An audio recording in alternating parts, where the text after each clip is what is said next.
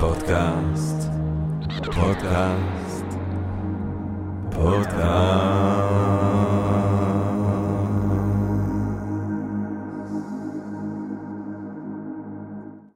טוב, גבירותיי ורבותיי, ברוכות וברוכים הבאים לפודקאסט של Think and Ring Different, פודקאסט למי שאוהב לחשוב ולשתות. אני ג'רמי פוגל ואנחנו רוצים להתחיל עם רגע של הודיה לעצם היש, לעצם המציאות הזאת שמאפשרת לנו למרות הכל ובהינתן כל אלה להיפגש כאן למען הרחבת הדעת, העמקת הידע, גירוי ואולי סיפוק הסקחנות, אה, אולי רעיון נשגב, מעורר השחאה ככה פתאום באמצע היום, כולנו ביחד אה, ובעברית, ועל הדרך כמובן אנחנו רוצים להודות לסקרינס כאן בתל אביב, אה, ששם אנחנו מקליטים ומצלמים, זאת אומרת מי שרוצה גם לראות אותנו, אתם מוזמנים לבוא לסקרינס, אה, לראות בחינם ובאהבה רבה את הפודקאסטים שלנו, ואז להירשם לשאר התכנים המרובים, ההרצאות והסדנאות. יש בינג' אחר, גבירותיי ורבותיי, בסקרינס. אה, טוב, גבירותיי ורבותיי, אה, אנחנו היום בעצם רוצים לדבר על ההיסטוריה המרתקת של האפרו-אמריקאים. אה, ואני רוצה לומר שני דברים ככה שעלו לי לקראת השיחה הזאת. קודם כל זה איזשהו אבן בנעל האישית שלי. אה, תמיד מדגישים מאוד, ובצדק מסוים, את הייחודיות של השואה, איזשהו אסון הומניטרי שאין משנה לו, וזה הדבר הכי נורא, וזה הכי... אה, אני לא בא להקטין חס וחס, אבל אני רק רוצה לזרוק איזה מספר אחד, ולומר שבין המאה ה-16 ועד למאה ה-19, 12 מיליון אנשים, כ-12 מיליון אנשים, חוטפים אותם ומעבירים אותם מעבר לאוקיינוס האטלנטי לחיים שלמים של עבדות, וזה רק האלה שחטפו אותם, ולקחו אותם ושיעבדו אותם לגמרי. אחר כך גם צריך לחשוב כמה ילדים נולדים שם, וכמה דורות על גבי דורות, וכמה מיליונים של אנשים נולדים אל תוך עבדות, ומתים אל תוך עבדות, וצריך להבין שבאיזושהי צורה, כל אה, אה, אה, חווה כזאת ב... ב, ב, ב, ב, ב אמריקה, אם זה בברזיל, או אם זה בדרום אמריקה, או אם זה ב-United States of America, זה בעצם מחנה ריכוז לכל דבר ועניין, עם ההבדל הקטן שזה לא נגמר הסיוט הנורא הזה אחרי חמש שנים, זה נמשך דורות על גבי דורות. ואני חושב שחשוב לעשות את ההשוואה הזאת, כי חשוב גם לנסות לחשוב על המשמעות של לחיות 400 שנה כתרבות, כקבוצה בתנאים האלה. ואחר כך כשאנחנו מסתכלים על ההווה, לשכוח את זה, זה קצת היה לשכוח לו היהודים היו חיים בסוג של מצב של שיעבוד 400 שנה בגרמניה, ואז הם ממשיכים לחיות בגרמניה, אז אני חושב שזה משהו שכדאי לחשוב עליו קודם כל. אני אגב מאוד ממליץ 12, שנת, 12 שנים של עבדות, 12 years a slave, כי אמרתי לעצמי, סוף סוף עשו סרט שואה. זאת אומרת, שזה מה שצריך לעשות כדי להתחיל להבין מה, על מה מדובר שם. ובאותו זמן, אני חושב שמה שמדהים בנוגע לתרבות הזאת, ומה שכל כך מסקרן, ואני אשמח שנבין ונחשוב על זה ביחד היום, זה עד כמה שהיא תוססת, עד כמה שלמרות כל ה... הכאבים האלה, הסבל הבל יתואר הזה והניסיון המתמשך להסיר כל גוון אנושי מהקיום של האנשים האלה במשך דורות.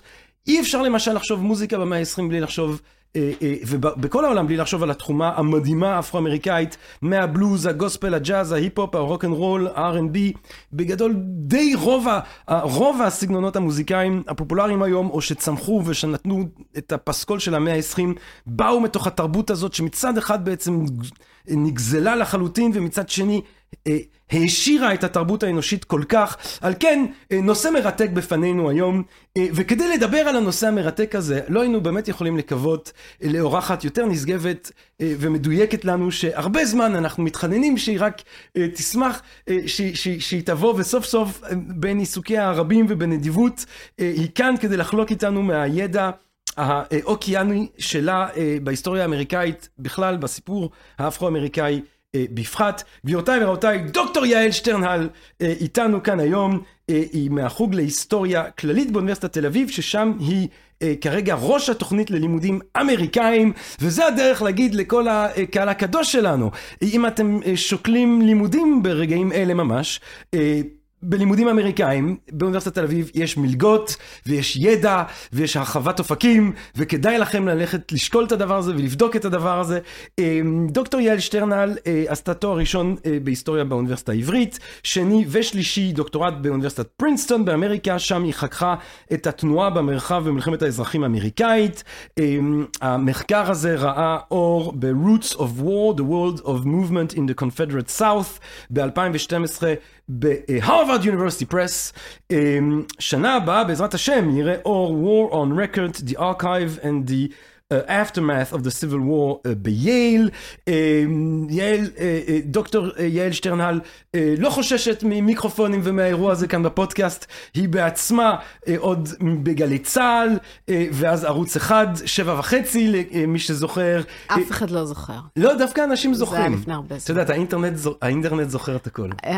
אחד היתרונות של הדינוזאוריות ההולכת וגוברת שלי, זה שכשעבדתי בטלוויזיה, זה היה ממש רק בראשית ימי האינטרנט. האינטרנט. כן, עוד היה אפשר לשכוח. כן, כאילו. היה אפשר להיעלם. אפשר, זהו, נגמר הדבר הזה היום, הלוקסוס הזה. אה, היא כותבת אה, בהארץ על נושאים הקשורים למחקרה אה, לפעמים, ובעיקר, אנחנו מאוד מאוד שמחים שאת איתנו כאן היום.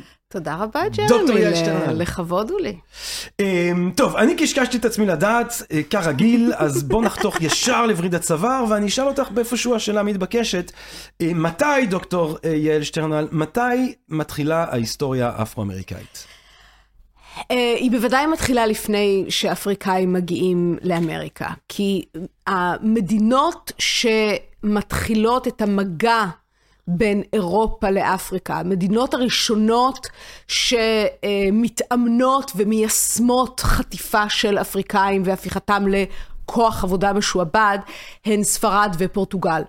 אה, פורטוגל כבר במהלך המאה ה-15, כלומר אה, עשרות שנים לפני קולומבוס, אה, מתחילה בסוג של קמפיין ארוך טווח ליצירת קשרים עם אפריקה. Uh, השייטים שלה uh, יורדים לאט לאט את החוף האפריקאי, אם uh, אתם חושבים על איפה פורטוגל, נכון? בקצה האטלנטי של יבשת אירופה. היא בעצם מקבילה לאפריקה. אז, אז הנגישות שלה לאפריקה היא מאוד קלה.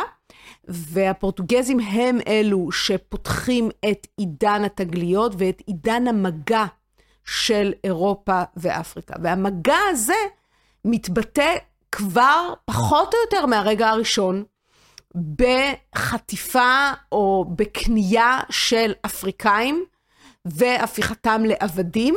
עוד הרבה לפני שישבו את יבשות אמריקה, הפורטוגזים ואחריהם הספרדים, שרואים ומקנאים ורוצים להצטרף גם לחגיגה, משעבדים אפריקאים באיים שנמצאים לחופי אה, אפריקה, בין אם זה מדרה או בין אם זה אה, האיים האזוריים, אה, ושם הם בעצם פותחים בניסוי שיהפוך להיות הצורה המקובלת ביותר של שיעבוד אפריקאים. הם פותחים בניסוי של העסקת אפריקאים בגידול סוכר. אה, בשרשראות האיים הללו שהם כובשים, חלק מהאיים האלה ריקים מאדם, ואפשר ליישב בהם משועבדים אפריקאים ולשתול בהם סוכר. בחלק מהאיים האלה יש אוכלוסיות ילידיות, אה, שגם אותן מנסים לשעבד, הן ברובן פשוט מתות אה, מוות טבעי ממחלות ועבודה קשה ומלחמות. וככה בעצם מתחיל המגע האירופאי-אפריקאי. כשהבריטים נכנסים לתמונה, וצריך לומר שהבריטים נכנסים לתמונה מאוחר, אם אה, קולומבוס אה, אה, מגיע לאיים הקריביים בספטמבר 1492, אז בריטניה לא אה, שותלת אה, נוכחות בצפון אמריקה עד שנת 1607. כלומר, למעלה ממאה שנה חולפות, וכשהבריטים נכנסים לתמונה ומתחילים בפרויקט הכיבוש של חלקי צפון אמריקה, אה, שזה בעצם השאריות, צריך לומר, את המקומות הבאמת טובים, אה, שזה דרום אמריקה, אה, כבר תפסו מדינות אחרות, כאמור ספרד ופורטוגל שהן ראשונות בתור כוח כובש וקולוניאלי. בריטניה נשארת עם השאריות, אבל בשאריות האלה של צפון אמריקה, היא פחות או יותר מיד נכנסת גם כן לסחר, לרכישה ולקנייה, סליחה, לקנייה ולמכירה של אה, משועבדים אפריקאים, אה, וככה אה, אנחנו פוגשים את העבדים האפריקאים הראשונים בשטחים בריטים דוברי אנגלית, שבסופו של דבר יהפכו להיות ארצות הברית של אמריקה. אז בעצם העבדות, מה שאנחנו חושבים עליו כאל עבדות טרנס-אטלנטית, קודמת אה, לנוכחות הבריטית באמריקות, כי בעצם אה, פורטוגל כבר אה, מעבירה אה, אותם אנשים בסבל הנורא הזה לברזיל, אה, מה שהיום ברזיל, אה, ומקומות כאלה, לפני שהתופעה הזאת אה, משועתקת על ידי הבריטים אה, צפונה יותר. בהחלט. אה, גם לברזיל וגם האיים הקריביים, צריך לומר. אה, העדויות הכי מוקדמות שיש לנו לנוכחות של אפריקאים בעולם החדש, הן משנת 1502, באי שנקרא היספניולה, שהוא היום אה, אי שמיושב, אה, בחלקו הוא מדינת האיטי ובחלקו הוא הרפובליקה הדומיניקנית. אה, ואנחנו רואים שם עבדים כבר בשנת 1502.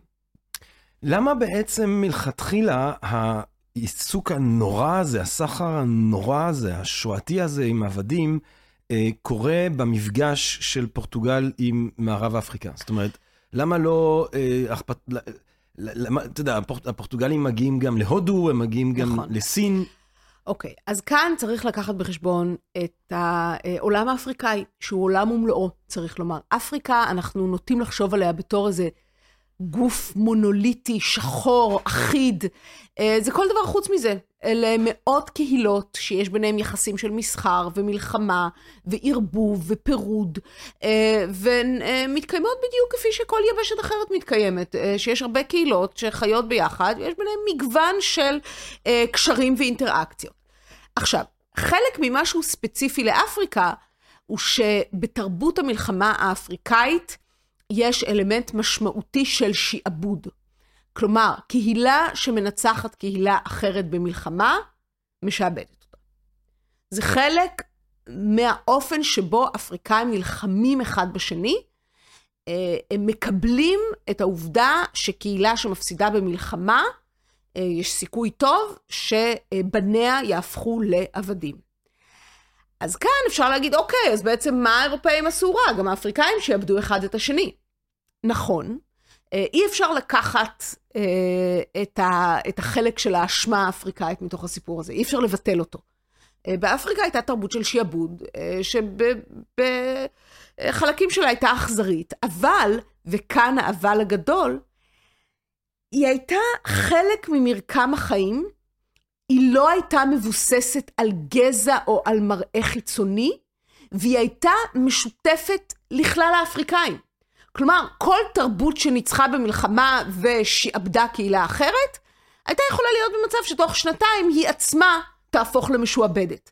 שעבוד לא היה בהכ... בהכרח אה, אות קין אה, על אנשים מאיזשהו סוג, אומרת, והוא בוודאי השיעבוד... לא היה קשור לצבע עור, למוצא אתני או, או לפיזיולוגיה. זאת אומרת, השעבוד המשמעות שלו לא הייתה גם אה, הסרת מעמד אנושי באיזשהו אופן. לא, ממש לא, וצריך לומר שעבדים באפריקה אה, יכלו להשתלב בתוך המשפחות שהן אה, נלקחו אליהן. חלקם הפכו להיות יועצים של השליטים, חלקם השתחררו וצברו רכוש. זה היה מאוד מגוון, מאוד משתנה, מאוד ה... אינדיבידואלי ומאוד תלוי מזל. וזה היה רב דורי? אה, זה היה רב-דורי, אבל זה היה הרבה יותר גמיש, צריך לומר. בזמן שברגע שהאירופאים נכנסים לתמונה, הם לא מאמצים את דפוסי העבדות הללו, הם בעצם ממציאים סוג חדש של עבדות, שהיא עבדות שהיא במידה רבה הסבתא של הקפיטליזם. בגלל שהם לוקחים אה, מספרים אה, עצומים של משועבדים אפריקאים, ושמים אותם לעבוד במטעי ענק, שבהם האפריקאים הללו הם יחידות עבודה, שיש להם תפקיד אחד מאוד ברור, והוא גידול סוכר כדי להעשיר את האימפריה הכובשת, בין אם זה פורטוגל ובין אם זה ספרד.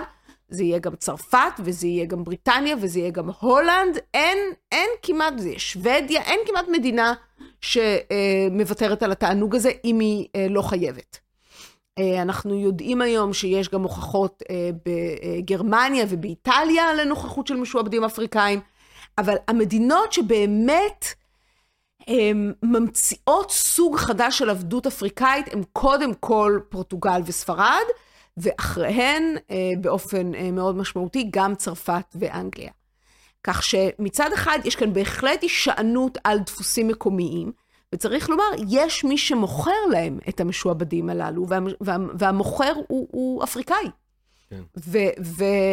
וגם אה, באיורים שיש לנו מה, מהתקופה הזאת, אנחנו רואים שמי ששומר אה, על המשועבדים שלא יברחו, כשלוקחים אותם אה, כפותים זה לזה מפנים היבשת אל הספינות, אל האפריקאים.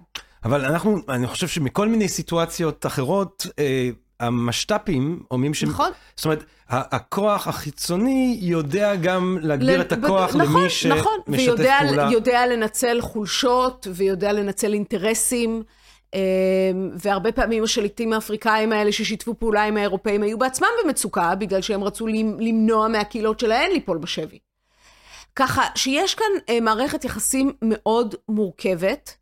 אה, בסופו של דבר, צריך לומר, אה, אין, אין דין עבדות פנים-אפריקאית אה, שיש בה מקום למעמד, לזהות, לקשרים משפחתיים.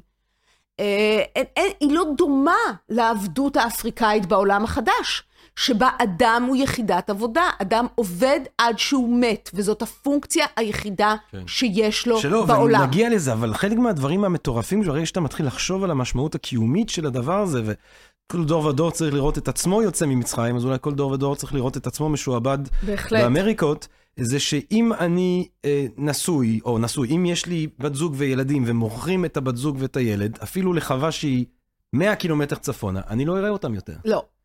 צריך להבין את הקהילה, גם האפריקאית וגם האפריקאית-אמריקאית, מסיבות שאני אסביר בהמשך, בתור קהילה של אנשים באבל ואנשים בטראומה.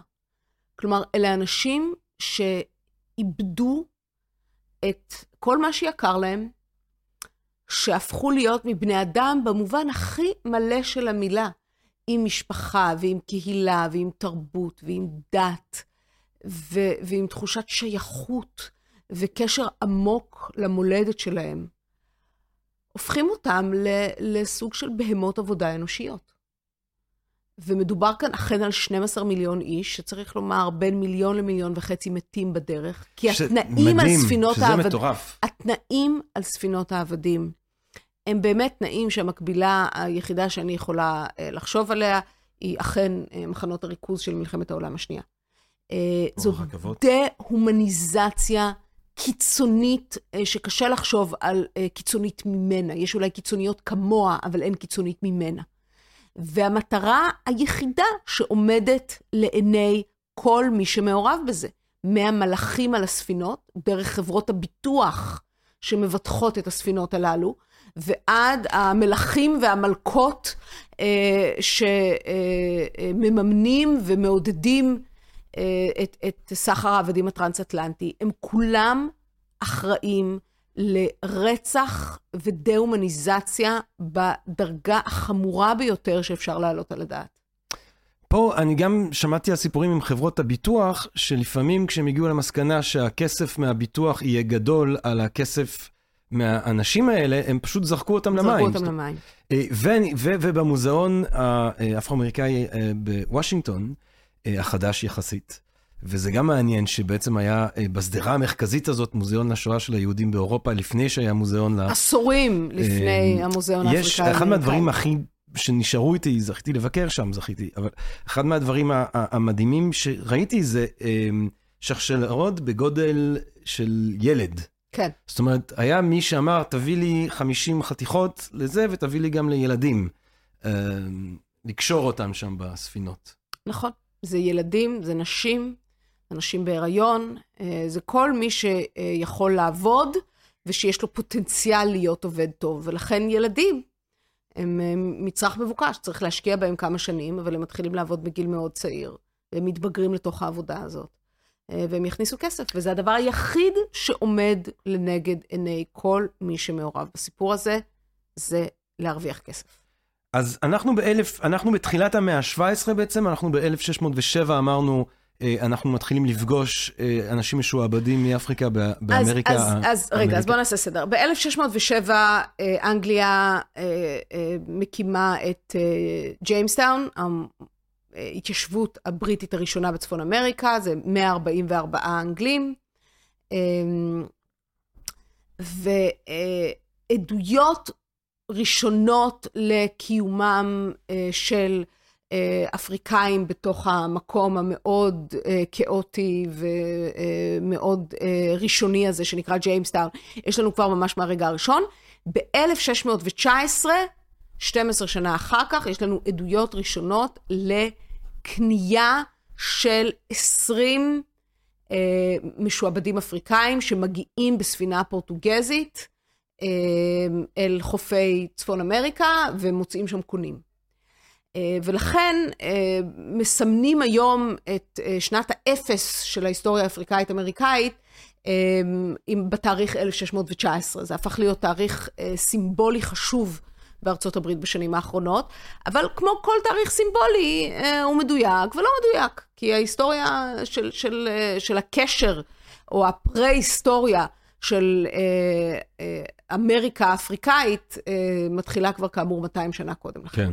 אבל 1619 זה רגע, לפחות, זה לא לגמרי לא, תלוש, זה, זה, זה רגע לא, שיש לו... זה לא לגמרי תלוש, זה רגע שיש לו, הוא, הוא לא, היסטוריונים אוהבים להסביר תמיד איך דברים הם לא בדיוק אה, נכון. מה שאנחנו חושבים.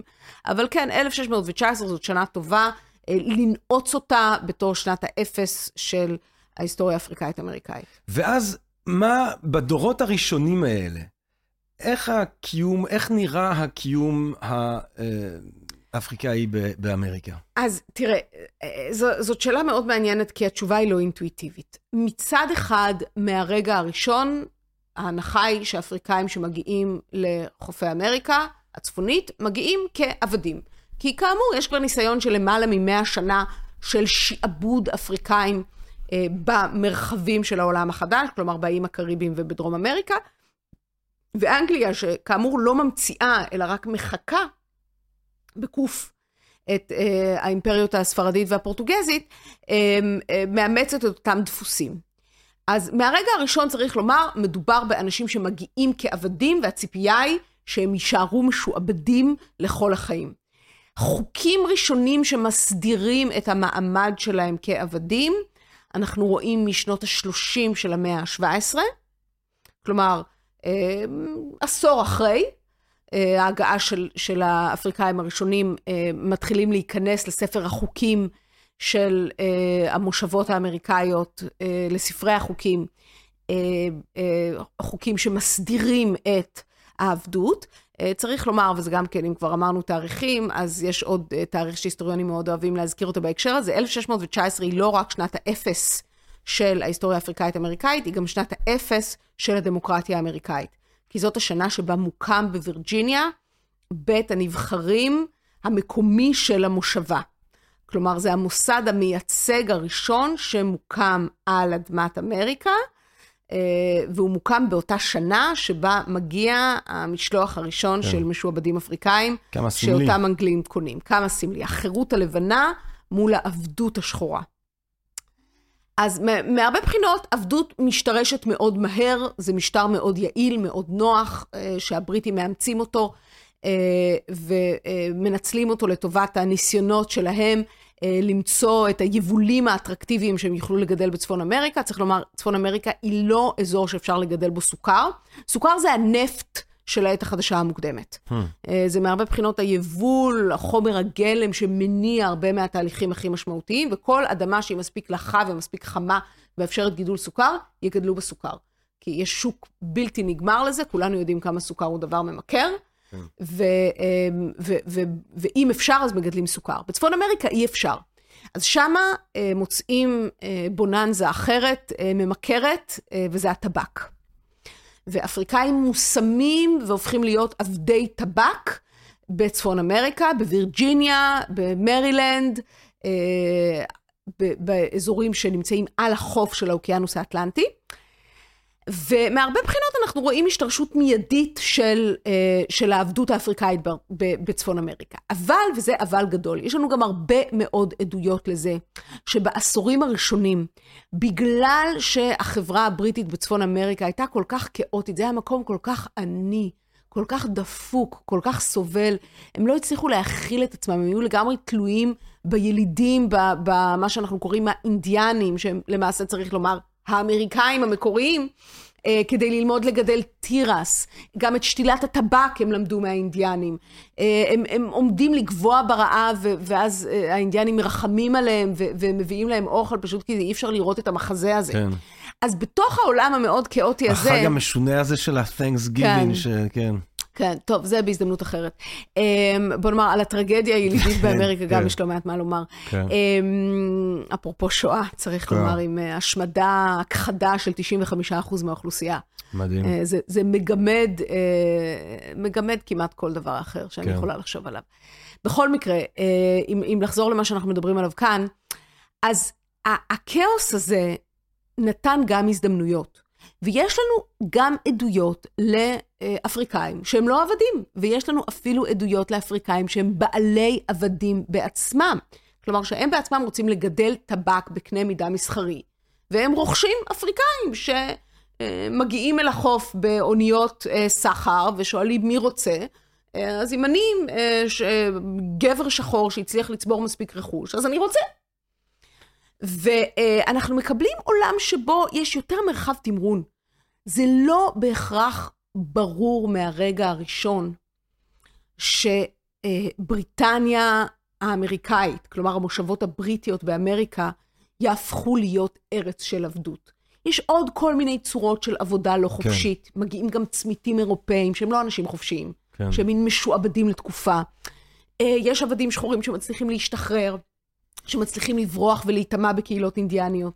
יש עבדים שחורים שמגיעים מהקריבים אחרי שהם רכשו מקצוע ולמדו שפות, והם אה, עם, עם, עם הכלים האלה מצליחים לבנות לעצמם חיים שהם לא חיים של עבדות. זאת אומרת שיש יותר מרחב תמרון. בהדרגה, צריך לומר, מרחב התמרון הזה הולך ומצטמצם, ובסופו של דבר הוא נסגר, ונוצרת החלוקה הבינארית, שבה אדם לבן הוא חופשי, בהגדרה, ואדם עם מאפיינים אפריקאים, אדם שחור, הוא עבד. עכשיו, איך בדיוק קורה התהליך הזה? זאת שאלה מאוד מורכבת, שכמובן אין לגביה קונצנזוס בין היסטוריונים. זה תמהיל של צרכים כלכליים ונסיבות תרבותיות. אני אגיד על זה מילה אחת. הצרכים הכלכליים הם קודם כל, שככל שחולף הזמן, והמושבות הבריטיות מתבססות ותוחלת החיים עולה, לרכוש עבד לכל החיים הופך להיות יותר משתלם לחוואי מלרכוש uh, צמית אירופאי לשבע שנים. כי אם ב-1640 תוחלת החיים היא ממילא שבע שנים שם, אחרי שבע שנים אדם פשוט מת בגלל הקור והרעב והמחלות והעבודה הקשה וכולי וכולי, אז כבר עדיף לשלם פחות על צמית, אה, אה, על, על צמית, ולכן עבדות אפריקאית היא לא מאוד כלכלית. ברגע שתוחלת החיים עולה, ואנשים כבר מסוגלים לתת 10, 15, 20 שנות עבודה, הם כבר לא מתים בגיל 25, אלא מתים בגיל 40, הכדאיות של עבדות אפריקאית הולכת ועולה. והתמריצים אה, אה, לרכוש עבדים אפריקאים אה, הולכים ומתגברים, וככה אנחנו מתחילים לראות את הכף מתחילה לטות מעולם כאוטי שיש בו כל מיני סוגים של חירות, צמיתות, עבדות, חצי עבדות, לעולם הרבה יותר מסודר, שבו חוואים לבנים קונים עבדים שחורים כדי שיגדלו עבורם טבק. עכשיו, אני, אני רוצה לשאול אותך שאלה שהיא, אני חושב שהיא גם רלוונטית לגבי הפרה-היסטוריה הזאת שדיברנו עליה, אבל, אבל גם בנוגע לרגעים האלה, על הדיאלקטיקה או הקשר בין האידיאולוגיה הגזענית אה, לבין האינטרס הכלכלי באיזשהו אופן. זאת אומרת, האם את חושבת, האם... הבריטים ניגשים לפרויקט המזעזע הזה מתוך אידיאולוגיה גזענית, או שהם מפתחים אידיאולוגיה גזענית מתוך אינטרס כלכלי, או okay. גם וגם. יופי, אז uh, זו, זאת שאלת מיליון הדולר של היסטוריה של ארה"ב. ולפני שעצרת אותי, רציתי להגיד, רגע, רגע, אבל לא, לא דיברתי על נסיבות תרבותיות. Mm. אז הנה, עכשיו שאלת את השאלה הזאת בעצמך, אתה לא צריך אותי. תראו, השאלה האם בריטים הגיעו לאמריקה עם תפיסה מושרשת של האדם השחור כעבד, או האם התפיסה הזאת התפתחה עם הזמן, היא שאלה שאין עליה תשובה אחת. יש עדויות מכל מיני סוגים, אפשר לארגן אותן בכל מיני צורות. היסטוריה זה לא באמת תחום שמאפשר אה, תשובות של כן ולא. יש היסטוריונים שונים שהגיעו למסקנות שונות. יש מי שמאוד מדגיש את העובדה שבתרבות האירופאית צבע כהה היה מזוהה עם השטן, עם רוע, עם אפלה. יש מי שטוען שהזיהוי של צבע שחור, עם, של שיזוף עם עבודה קשה, הוא אה, עמוק בתרבות האירופאית, כי עניים עבדו אה, בשדות והשתזפו, ועשירים ישבו בבית ונשארו לבנים. אה, יש מי שמצביע על כך שיש נוכחות של עבדים אפריקאים אה, לכל אורך ההיסטוריה האירופאית, ולכן הזיהוי עם אפריקה ושיעבוד, או של, של אפריקה עם שיעבוד הוא אינטואיטיבי. יש בהחלט מי, מי ש... אה, ויש הוכחות טובות שמראות את זה.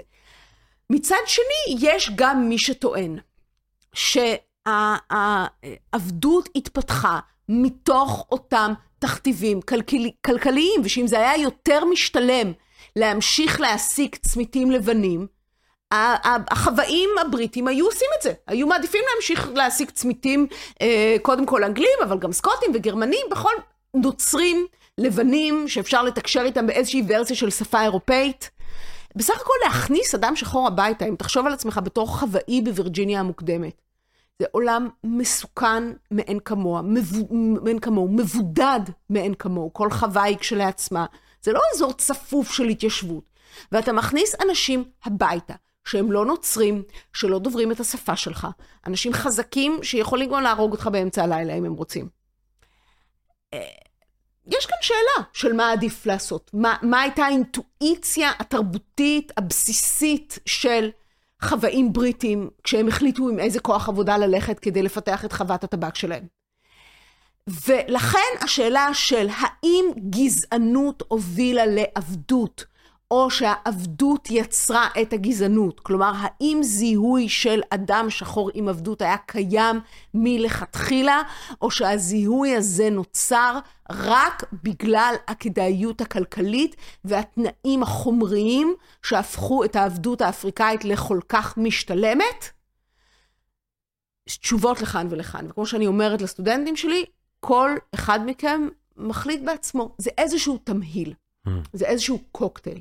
האם זה 40 אחוז תרבות ו-60 אחוז כלכלה, או 80 אחוז כלכלה ו-20 אחוז תרבות? זאת באמת כבר שאלה של פרשנות. אני רוצה שנלך משהו כמו 100 שנה, 150 שנה קדימה, אה, ושנחשוב על, שתתני לנו תמונת מצב של החיים האפרו-אמריקאים אה, בזמן של בעצם לקחת העצמאות אה, של ארצות הברית. לקחת העצמאות ארצות הברית. אוקיי, אז um, רוב האפריקאים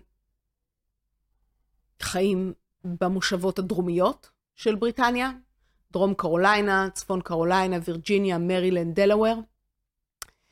Um, הם הולכים ונשאבים לתוך uh, מה שאנחנו קוראים לו מהפכת המטעים. כלומר, המעבר מייצור בקנה מידה קטן של חוות טבק לייצור בקנה מידה הרבה יותר גדול, כלומר בעצם לחיקוי של המודלים הפורטוגזיים והאירופאים של אה, מטעי ענק. אה, שים לב שאני מאוד משתדלת לנקות את השפה שלי מהשימוש במונח אחוזה. שבישראל, בעברית, בדרך כלל ככה אנחנו, כשאנחנו אומרים פלנטיישן לאורך השנים, ואני מדברת גם על עצמי, אפילו בחיי כבר כמרצה באוניברסיטה, לא כסטודנטית, השתמשתי לא מעט במונח אחוזה, ואני אה, מנסה באופן מודע להפסיק, לגמול את עצמי מהשימוש במונח הזה, כי זה מונח שעושה רומנטיזציה לעבדות. Uh, הוא תרגום מאוד ישן בעברית, שפשוט לא משקף את מצב הידע הנוכחי על החיים השחורים באמריקה, שכמו שאתה אומר, אה, הרבה יותר קרובים למחנות עבודה, מחנות ריכוז, מאשר לאיזושהי אחוזה. כן. אז אה, אה, רוב השחורים עובדים אה, בחקלאות על חוף האוקיינוס האטלנטי. אה, אה, טבק, אה, אורז בדרום קרוליינה, אה, אינדיגו, שזה אה, צבע, זה אה, מוצר מאוד יעיל בעולם של ספנות. אה, קצת כותנה, אה, מעט אבל, אנחנו עוד לפני מהפכת הכותנה. אה, ככה חיים רוב המשועבדים. אבל, וזה אבל גדול, חשוב מאוד לציין, שעבדות היא חוקית והיא קיימת והיא משמעותית בכל המושבות הבריטיות באמריקה. וזה כולל את ניו יורק, וזה כולל את מסצ'וסטס, וזה כולל את קנדיקט, מקומות שאנחנו חושבים עליהם אה, בתור אה, מאוד ליברליים. אז זה נכון שהם יותר ליברליים במובן הזה אה, שיש שם פחות עבדות מטעים שמתייחסת לאדם כמו יחידת עבודה. אבל לרוב המשפחות העשירות בבוסטון במאה ה-18 יש אה, עבדים שחורים, אפריקאים. אה, הרבה מהגיבורים של אמריקה המוקדמת אה, בצפון, אה, מחזיקים עבדים, חלקם סוחרים בעבדים. All men created נכון, equal, סחר בעבדים. אבל, אבל ג'פרסון הוא, הוא וירג'יניאני. כן. אה, אני מדברת גם על אותם מקומות לא, אבל בארצות הוא נתפס הברית. כגיבור של ה- נכון. של האקואליטי, של הזה, כן, כן, הנאור. כן, נכון. כבר, בוא נאמר כבר לא. אנחנו כבר כן. היום, אני חושבת, אפילו בתרבות הפופולרית, כבר חושבים על ג'פרסון בצורה הרבה יותר מורכבת, אה, והם לא מזכירים היום את ג'פרסון בלי להזכיר שהאיש הזה, שניסח את הכרזת העצמאות האמריקאית, שהיא טקסט יפהפה, שעד היום נותן השראה למאבקי חירות וזכויות בכל רחבי העולם, האיש הזה החזיק עבדים, ניהל עבדים, האיש הזה ניהל מערכת יחסים עם אה, משו, אישה משועבדת אה, שהתחילה כשהיא הייתה בת 14 אה, והוליד לה שישה ילדים שנשארו עבדים עד מותו.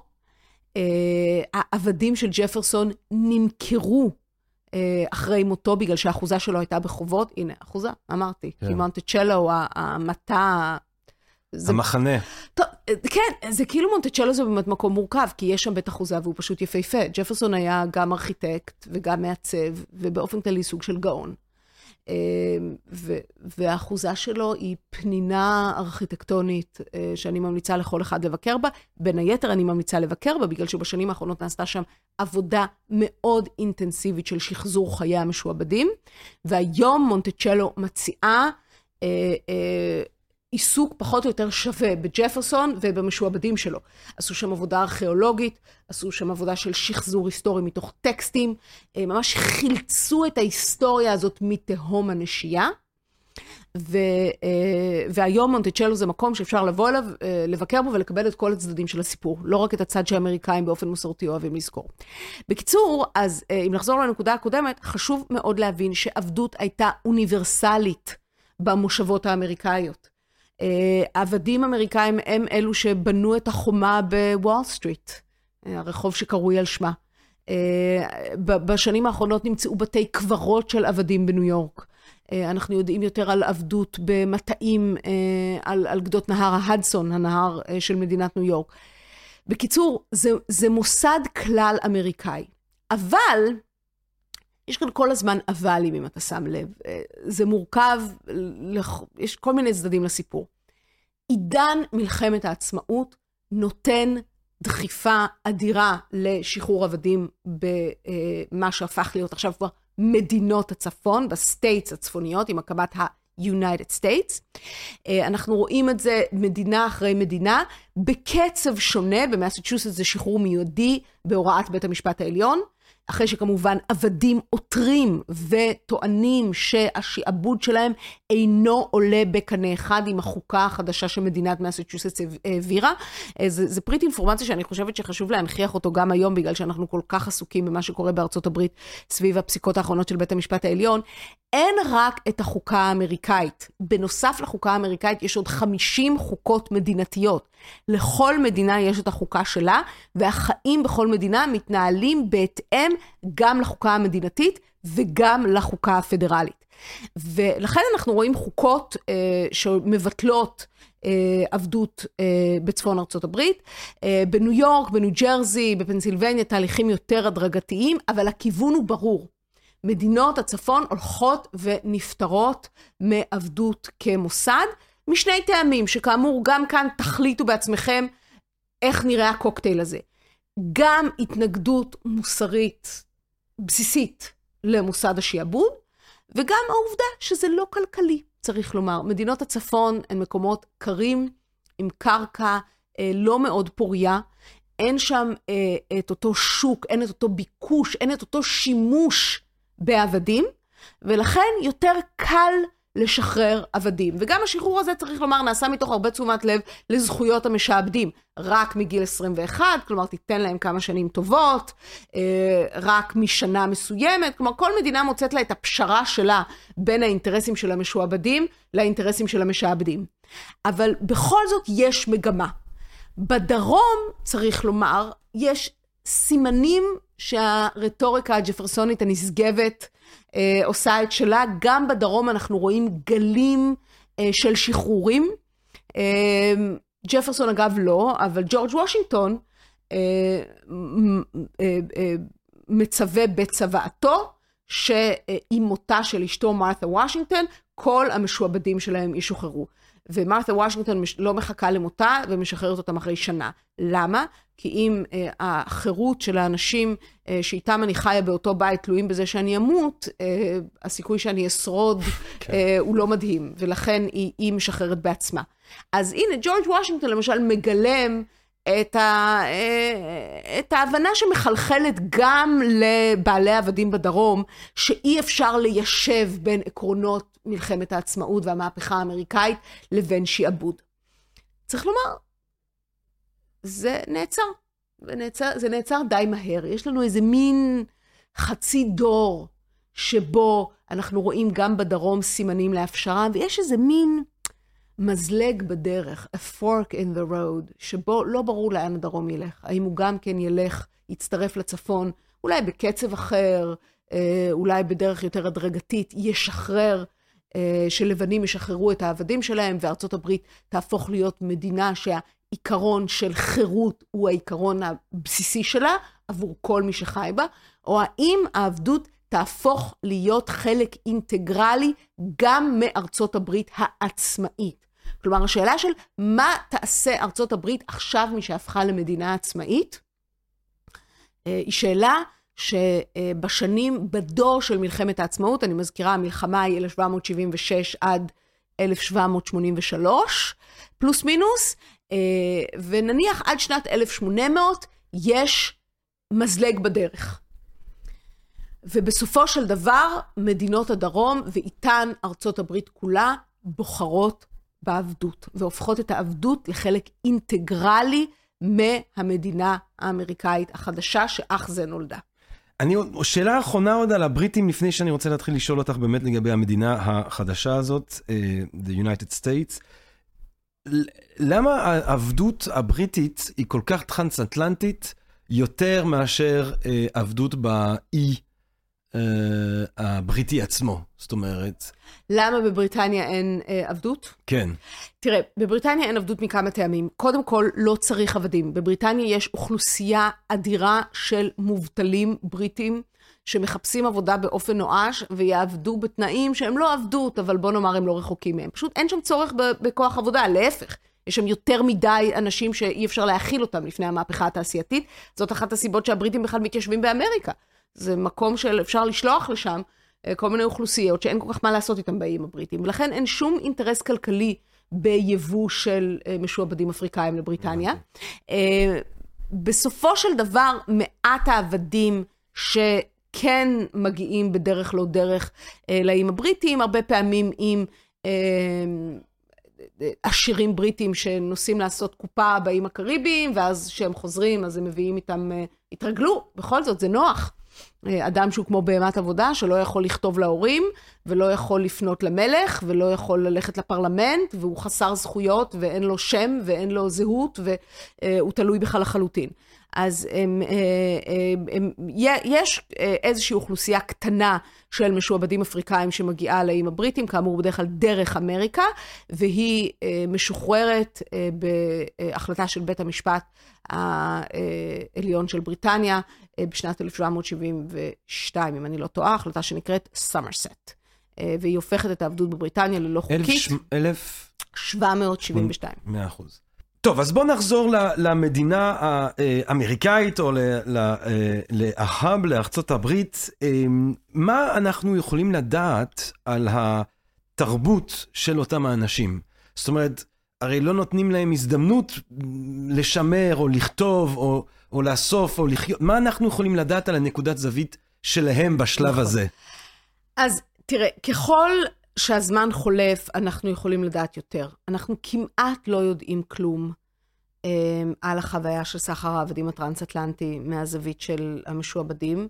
אה, מה שאנחנו יודעים אה, בהחלט מאשש את הידע שמגיע ממקורות לבנים על ה, באמת האופי השואתי של התהליך הזה.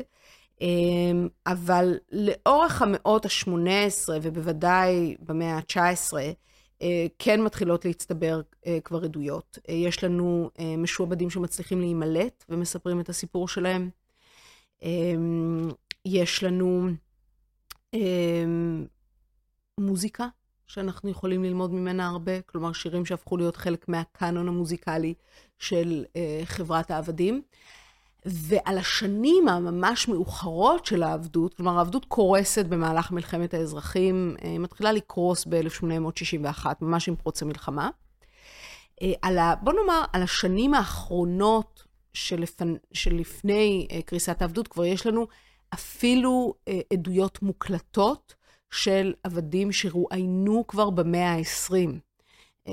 בשנות ה-30 של המאה ה-20, בין 1936 ל-1938, נערכו 2,300 אמ, ראיונות עם משועבדים אה, לשעבר, שהיו כבר מאוד מבוגרים, צריך לומר, אבל, אה, אבל הם זוכרים, וחלקם צלולים לחלוטין, אה, ומספרים באריכות על החיים שלהם כעבדים. Uh, הטקסט הכי מפורסם והכי חשוב שיש לנו על העבדות באמריקה זה טקסט מ-1845, שכתב uh, פרדריק דאגלס, שהוא uh, uh, מרילנדי, שנולד ב-1818, uh, והצליח לברוח כשהוא היה בן 20. והפך להיות אה, לפעיל הכי משמעותי נגד עבדות באמריקה ולמנהיג השחור הכי חשוב במאה ה-19. אה, והוא כתב אה, ופרסם שלוש אוטוביוגרפיות, שהראשונה שבהן מתפרסמת ב-1845, וזה נותן לנו תיעוד אה, מאוד אמין, מאוד מדויק, שהיסטוריונים הצליחו לאמת אה, את החלק המכריע של העובדות שלו, אה, ש, של איך נראית עבדות אמריקאית. אמ, אז, אז שוב, זה, זה נורא תלוי, מה, תראו, זה מורכב. זה מור... טוב, אני משתמשת במילה מורכב המון, אני עושה לה קצת, אה, אה, מפחיתה קצת מהערך שלה. אה, היסטוריונים תמיד שואלים מה אנחנו בעצם יכולים לדעת על העבר, והאם אנשים שחיו לפני 200 שנה, ובטח אנשים שחיו בעבדות, בכלל הבינו או חשבו או הרגישו כמו שאנחנו מבינים וחושבים ומרגישים. האם אנחנו יכולים לנתח בני אדם שחיו בתנאים כל כך שונים מאיתנו, אה, באמצעות הכלים שאנחנו מנתחים את עצמנו? אה, וזו שאלה ענקית, מאוד, ש- שיש לגביה גם אה, ריבוי גדול של עמדות, והרבה ספקות, והרבה מחלוקות. אנחנו בכל זאת תוצרים של עולם מאוד פסיכולוגי, ומבינים את עצמנו במונחים שהם מונחים מודרניים. אז אה, אני, אני אישית כחוקרת מנסה ללכת באיזה מין דרך ביניים כזאת, כלומר להניח שאני לא באמת מבינה, אבל גם לחשוב שבסופו של דבר בני אדם הם בני אדם. והאהבה של אימא לילדים שלה אה, היא איזה ציווי ביולוגי, אבולוציוני, אה, שלא תלוי אה, בשאלה של האם היא משתמשת במחשב או לא. אה, ולכן הרבה ממה שאנחנו רואים בעדויות של משועבדים על החיים שלהם, בין אם זה עדויות אה, מוזיקליות או עדויות כתובות או עדויות אה, אוראליות, כלומר עדויות ש, שנמסרו בעל פה, אנחנו רואים הרבה מאוד נוכחות לרגשות אנושיים, לתודעה, לתקוות, לחלומות. אה, שדומים לאלו שלנו, ושהם מובנים לנו במושגים שלנו. אבל בהינתן הניתוק הזה בין האנשים, זאת אומרת, בהינתן שאנשים בכל מיני אה, חוות כאלה, ו... אוקיי, אז, אז האם, אפשר, הניתוק... האם אפשר לדבר על, על תרבות אפרו-אמריקאית כללית? בהחלט. איך, איך המידע בהחלט. זורם מחווה לחווה? איך השירים האלה שאת אומרת, אם אני ב, במקום אחד ויש איזה שיר, אה, איך, איך, איך אנשים 300 קילומטר מערבה יודעים את אותו שיר? אוקיי, יופי. אז תראה. קודם כל, ככל שהשנים חולפות, הניתוק והבידוד אה, מצטמצם. הוא נחלש. קודם כל, כי המשמעות של מהפכת המטעים היא שמטע אה, יכול להיות יחידה שבה חיים 50, 100, 200 או 1,000 עבדים. ואז עוד כבר קהילה, מה זה? זה כפר. זה כפר של משועבדים. שיש בו קשרים משפחתיים וקשרים חברתיים, ויש בו גם יריבויות ואלימות ושנאה, יש שם את כל סוגי מערכות היחסים שיש בין בני אדם. אלה בני אדם בדיוק כמונו. אמ, אז זאת צורה אחת שבה נוצרות קהילות. שתיים, בכל זאת נסללות דרכים, אמצעי תחבורה משתפרים. כמובן, מהשליש הראשון של המאה ה-19 כבר יש גם רכבות. אה, אז, אז אינפורמציה בהחלט עוברת. וצריך לומר, העולם של העבדות האפריקאית-אמריקאית הוא עולם של תנועה, הוא לא עולם של סטטיות. מדוע? כי העבדות האפריקאית-האמריקאית מושתתת על סחר עבדים פנימי, שמחלק בצורה מאוד יעילה מבחינה כלכלית את העבדים בתוך ארצות הברית. כלומר, אם חוואי בצפון קרוליינה, הקרקע שלו כבר לא פוריה ולא מספקת לו את, את סוג הרווחים שהוא רוצה, יש לו שתי אפשרויות. או לקחת את משק הבית שלו, כלומר את משפחתו, כולל אשתו חסרת האונים, שלא רוצה לעבור, וילדיו, והמשועבדים שלו, ולחפש קרקע יותר אטרקטיבית בטנסי. וככה אתה מקבל 20 אה, עבדים, עזוב, בקטנה, כן? 20 עבדים מצפון קרוליינה שמביאים איתם את התרבות והאוכל והמסורות והשירה והדת אה, והאמונות המיסטיות אה, מצפון קרוליינה לטנסי. אמ, ובמקרה אחר, אה, הרבה יותר טרגי אה, ומזוויע, אה, החוואי הזה ימכור עשרה מהעבדים שלו, שיעברו אחר כבוד לאנשים חדשים במיסיסיפי ואלבמה, יגדלו שם כותנה, אמ, ויביאו איתם את התרבות הצפון קרוליניאנית גם אל מיסיסיפי ואלבמה. כשהמחיר כמובן הוא שהוא ימכור, אה, יש אישה ויש לה ילד אחד, אז את הילד הוא ימכור ואת האישה הוא ישאיר. כי האישה הייתה בכי טובה וזה נוח לו שהיא מבשלת שם, אבל ליל, בילד אין לו שימוש, אה, ולחוואי במיסיסיפי יש, יהיה לו שימוש. וככה אימא מאבדת את הבן שלה, וככה אימא הופכת להיות כן, אימא שכולה. זה פשוט מטורף, זה, זה מדהים, זה פשוט, זה כל כך מזעזע ברגע שאתה חושב באמת על הפרקטיקה האנושית. סחר העבדים הפנימי בתוך הברית הוא ההיבט הכי מזעזע של העבדות האמריקאית, והוא אה, היה נתפס כמזעזע גם בזמנו. הוא הוכחש, הוא אה, תועטה הצידה. אה, גם באותם ימים לא היו שום אשליות לגבי האפקט של סחר העבדים על הקורבנות שלו. והאם, התחלתי גם, דיברתי על העושר אה, של התרבות האפרו-אמריקאית, שבאמת אה, ביטוי אה, מובהק שלה הוא נכון. מוזיקלי. אה, האם זה קשור גם מזה שבעצם חוץ מהשירה, אה, כביטוי תרבותי, אה, זה הדבר האחרון שלא יכלו לקחת באיזשהו נכון, אופן, אנשים כי, שרים. אוקיי, אז לוקחים מהם את היכולת ללמוד קרוא וכתוב, כי אה, הוראה של קרוא וכתוב היא לא חוקית. ברוב מדינות הדרום. כלומר, אסור ללמד עבד קרוא וכתוב. ולכן לוקחים מהם את האפשרות הזאת. אמ, ובין חמישה לעשרה אחוז מהעבדים בכל זאת מצליחים ללמוד קרוא וכתוב, ביניהם פרדריק דאגלס, אה, שהזכרתי קודם, אבל הרוב המכריע אה, הם לא אוריינים. ובכל זאת הם יוצרים עולם שלם של תרבות, שהיא באמת תרבות אה, שבעל פה. והשירה היא חלק מאוד משמעותי שלה. יש שירי עבודה ויש שירים דתיים, אה, ויש שירים של צער, של כאב ושל אובדן, כי זאת קהילה שחיה אובדן. ואם היא לא חיה אובדן באותו רגע, היא חיה איום של אובדן. כל משחק קלפים שבעל המטה הפסיד בו אתמול בערב, יכול לחרוץ את גורלה של משפחה למחרת בבוקר. מוות בלתי צפוי.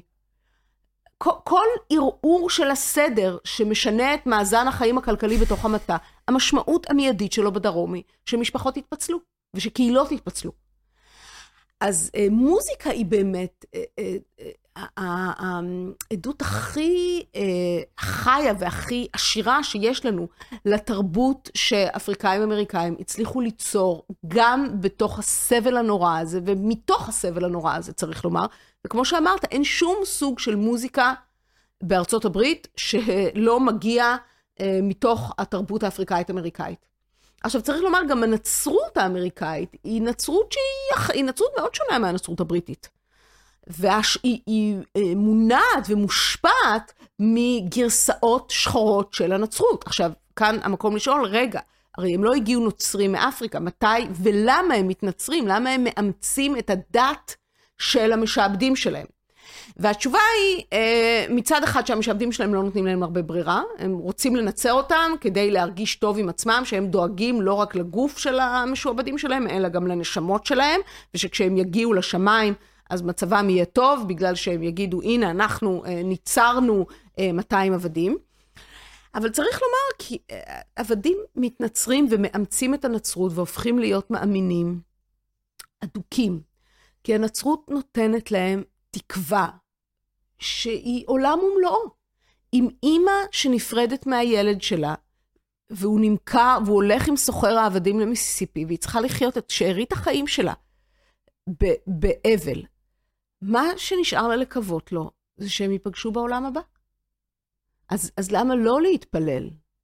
למה לא להיות כל הזמן באיזה כן. מגע ישיר עם האל? ומצד שני גם שימוש... כדי שכשאני אגיע לשם, אז מחכה לי שם עולם אחר. ואז יש גם את הדבר המעניין הזה שמצד אחד יש לך שימוש במקחה כדי להצדיק את העבדות, ו, וגם, ה, וגם ה, והחשיבות שיש לסיפור של שחרור העבדים. נכון. עכשיו תראה, צריך לומר, העבדים האפריקאים-אמריקאים לוקחים מהדת הנוצרית את מה שמתאים להם. אה, הם לא לוקחים למשל את להושיט את הלחי השנייה מהברית החדשה. אה, הם לוקחים את משה, הם לוקחים את יציאת מצרים. הם, הם מאמצים אה, מהרבה בחינות יותר מהברית הישנה מאשר מהברית החדשה. אה, כן. כשכמרים מהצפון מגיעים דרומה במהלך מלחמת האזרחים ופוגשים את העבדים המשוחררים, הם מזועזעים מזה שישו לא פקטור בשבילם. הם חושבים על משה. ומבחינתם לינקולן, הנשיא האמריקאי בעת שחרור העבדים, כן, Egypt land. מוזס הוא, הוא הדמות הרלוונטית, והוא מקור לתקווה גם, ולנחמה. אצל מרטין לותר קינג ממש, I've seen the promised land, נכון. בנאום המפורסם. טוב, מרטין לותר קינג הוא בעצמו... אה, דמות מושאית. ו- ובעצמו כומר דתי, מאמין, אה, אדוק. אה, ש- שהדת בשבילו היא גם אמצעי לנחמה, וגם צריך לומר אמצעי לפעילות ציבורית ולאקטיביזם וכולי וכולי. אבל הדת הנוצרית נותנת אה, אה, עוגן שאני לא יכולה לדמיין את החיים בעבדות תחתיו. אה, בלי ה... כלומר, אני לא יכולה לדמיין את החיים בתוך משטר העבדות בלי מה שהנצרות מציעה לאדם המשועבד. אבל אז כמובן אפשר לחשוב מחשבות ניטשיאניות כזה, שאולי, שדווקא בגלל שהיא מאפשרת את זה, אז יש בה גם איזשהו אלמנט שמקבע דיכוי באיזשהו אופן. תראה... זאת אומרת, אולי, אולי, אולי אם לא הייתה שם, אז נכון, היה, היה אז מרד. אז היה מרד. אה, אבל מה מרד היה משיג? כן. אה, מרד לא היה משיג כלום. צריך לומר, מרידות עבדים, יש להן הישגים, כשיחסי הכוחות הם כאלו שיש רוב גדול או מוחלט לעבדים. Mm. ובדרום ארצות הברית זה אף פעם לא היה המצב. אה, שחורים הם 40 אחוז מאוכלוסיית הדרום, הם לא מחולקים שווה בשווה, כלומר, יש מחוזות בדרום ארצות הברית שבהם 90 אחוז מהתושבים הם שחורים. הם עבדים, יש משפחה ויש לה 200 עבדים. אז ת, תעשה את החישוב בעצמך. אמ, אבל בסדר, אז במחוז הזה זה 90 אחוז, אבל במחוז ליד זה כבר נראה אחרת. ויש כלי נשק, ויש את המדינה הפדרלית שמחויבת לאכיפת משטר העבדות. אה, כן, נכון שזה חלק מהדיכוי, אבל בסופו של דבר, וזה אולי באמת ההבדל בין היסטוריונים לפילוסופים, שאנחנו חושבים באופן פרקטי, איך בני אדם שורדים, איך אדם קם בבוקר ומצליח לעבור את היום. כן. והדת אפשרה לאנשים לעבור את היום. ברגע שהדבר הנורא הזה, את אומרת ב-1861, עם מלחמת האזרחים, אה, המוסד הזה של העבדות קורס, אבל מן הסתם זה לא שאחרי העבדות האנשים האלה פתאום דורכים במדינה חופשית, פתאום אנחנו באיזשהו מצב כן. אוטופי. תתארי לנו אה, את החוויה של האנשים שמשתחררים, לאיזה עולם הם בעצם כן. נכנסים. שחרור העבדים זה באמת רגע אה, יחיד ומיוחד אה, בהיסטוריה של ארה"ב. אה, כי, כי בגלל שהוא לא בא באופן הדרגתי, בגלל שהוא מתרחש במהלך מלחמה, והוא מתרחש באופן אה, מפתיע ומיידי, כלומר, בהרבה מקומות ההבדל בין עבדות לחירות זה החצי שעה שבה רוכבים אה, קצינים של הצבא הפדרלי, הולכים לבעל המטה, אומרים לו, שלום, שלום, המלחמה נגמרה, עבדות היא בלתי חוקית בארצות הברית של אמריקה, אה, האנשים שאתה מחזיק פה אה, לא חייבים להישאר כאן אם הם לא רוצים. וזה ההבדל בין עבדות לחירות. יש מקומות שבהם זה תהליך יותר מורכב, יותר אלים, צריך לומר שזה תהליך שהמשועבדים בעצמם אה, מניעים ולוקחים בו חלק פעיל. הם לא מחכים לצבא האמריקאי. שחרור העבדים באמריקה מתחיל כשאותם משועבדים רצים אל הצבא האמריקאי ומתחננים שייתן להם מקלט. ויוצרים קונסטלציה של נסיבות שלא מאפשרת שום ברירה, לא לצבא האמריקאי ולא למפקד העליון שלו, נשיא ארצות הברית, אברהם לינקן. והרגע הזה, לכן, הוא לא רגע אחד. כלומר, הוא מתרחש במהלך ארבע שנים באלפי מקומות שבהם אנשים מוחזקים כעבדים, אה, ומתרחש לעיתים באלימות, לעיתים בשלום, לעיתים תוך חמש דקות, אה, לעיתים זה לוקח כמה חודשים, אבל זה נגמר. ואז כשזה נגמר, השאלה, אם, אם הם לא עבדים, אז מה הם? ובשלב הזה זה לחלוטין לא ברור מאליו שהם יהיו אזרחים. זה לא ברור מאליו שיהיה להם שוויון זכויות. זה לא ברור מאליו בכלל שהם יוכלו להצביע בבחירות. אמ, במשך שלוש שנים יש איזה מין חוסר ודאות אה, וחוסר אה, יכולת להחליט בעצם לאן הסיפור הזה הולך. כלומר, מה עושים עם זה עכשיו? זה שחרור העבדים הגדול ביותר, אה, בטח בעידן המודרני. ברומא היו חמישה מיליון עבדים באימפריה, אבל האימפריה שפזורה על פני טריטוריות עצומות. כאן יש לנו ארבעה מיליון בני אדם שתחומים בתוך שטח שהוא גדול, שטח הדרום כשטחה של מערב אירופה. זה מקום גדול, אבל זה עדיין מקום תחום. והשאלה של מה, מה יקרה להם עכשיו. ואז מתחילה בעצם תחרות, או מתחיל עימות בין רעיונות שונים על מה יהיה עכשיו. יש אה, אה, רעיונות אה, של בעלי עבדים לשעבר, שמתאבלים על הפסדם במלחמה, ומתביישים בהפסדם במלחמה, אבל אומרים לעצמם, אוקיי, נחזיר את הגלגל לאחור, לא נקרא לזה עבדות, נקרא לזה אה, צמיתות פלוס פלוס. יש רעיונות של רדיקלים לבנים אה, ממסצ'וסטס, שאומרים שוויון זכויות עכשיו. אלה אמריקאים לכל דבר ועניין, אחינו שעובדים כאן, שחיים כאן, אם רק ניתן להם את ההזדמנות, הם ישגשגו פה. יש את האמצע, את מי שלא כל כך אכפת לו ולא יודע וחושש לחשוב על השאלה הזאת, שזה אה, תופעות שאנחנו כל כך רגילים אה, ומכירים מכאן. אה, שמין זו בעיה שלא יודעים איך לפתור אותה ולא יודעים מה לעשות איתה, אז פשוט מנסים לא לחשוב עליה. אז הרבה, הרבה אנשים במדינות שמחוץ לדרום מעדיפים שהשחורים יישארו שם, שהם יקבלו איזושהי חירות, אבל אולי לא יותר מדי, ושיהיו תחת פיקוח, כדי שלא חס וחלילה ינהרו צפונה, ינסו לקחת מקומות עבודה במפעלים ולהינשא לנשים לבנות. אה, יש חוסר הסכמה. ובסופו של דבר, בגלל קונסטלציה שאני לא אכנס אליה כאן, אבל יש בה הרבה פשוט אינטרסים פוליטיים קרים, אה, ב-1868 הקונגרס האמריקאי מעביר את התיקון ה-14 לחוקה, שקובע שכל מי שנולד בשטחי ארצות הברית הוא אזרח אמריקאי, שכל מי שנולד בשטח של איזושהי מדינה בתוך ארצות הברית הוא אזרח אותה מדינה, ושלכולם יש את אותן זכויות בפני החוק, וכולם זכאים להגנה של החוק. וכך ב-1868 אנחנו מקבלים את בעצם החברה האמריקאית כפי שאנחנו מכירים אותה היום, שבה כולם שווים וכולם אזרחים. אבל מצד אחד כולם שווים וכולם אזרחים, אבל עד באמת לשנות ה-50 וה-60 של המאה ה-20, uh, עדיין יש משטר... נכון, אז, אז התהליך עד היום הזה, יש אז בעיות זה, מן זה הסתם, לא זה, עדיין, אבל- זה, זה, התהליך הוא, הוא עוד יותר מבלבל מזה. בוא נאמר שבעשר שנים הראשונות אחרי מלחמת האזרחים, אחרי שחרור העבדים ואחרי העברת התיקון ה-14, אה, שחורים הופכים להיות שחקנים פוליטיים. הם נושאים בתפקידים, הם נבחרים לבית הנבחרים הפדרלי, הם נבחרים לסנאט, הם אה, שריפים, הם שרי אוצר במדינות הדרום, הם, הם הופכים לאמריקאים לכל דבר ועניין.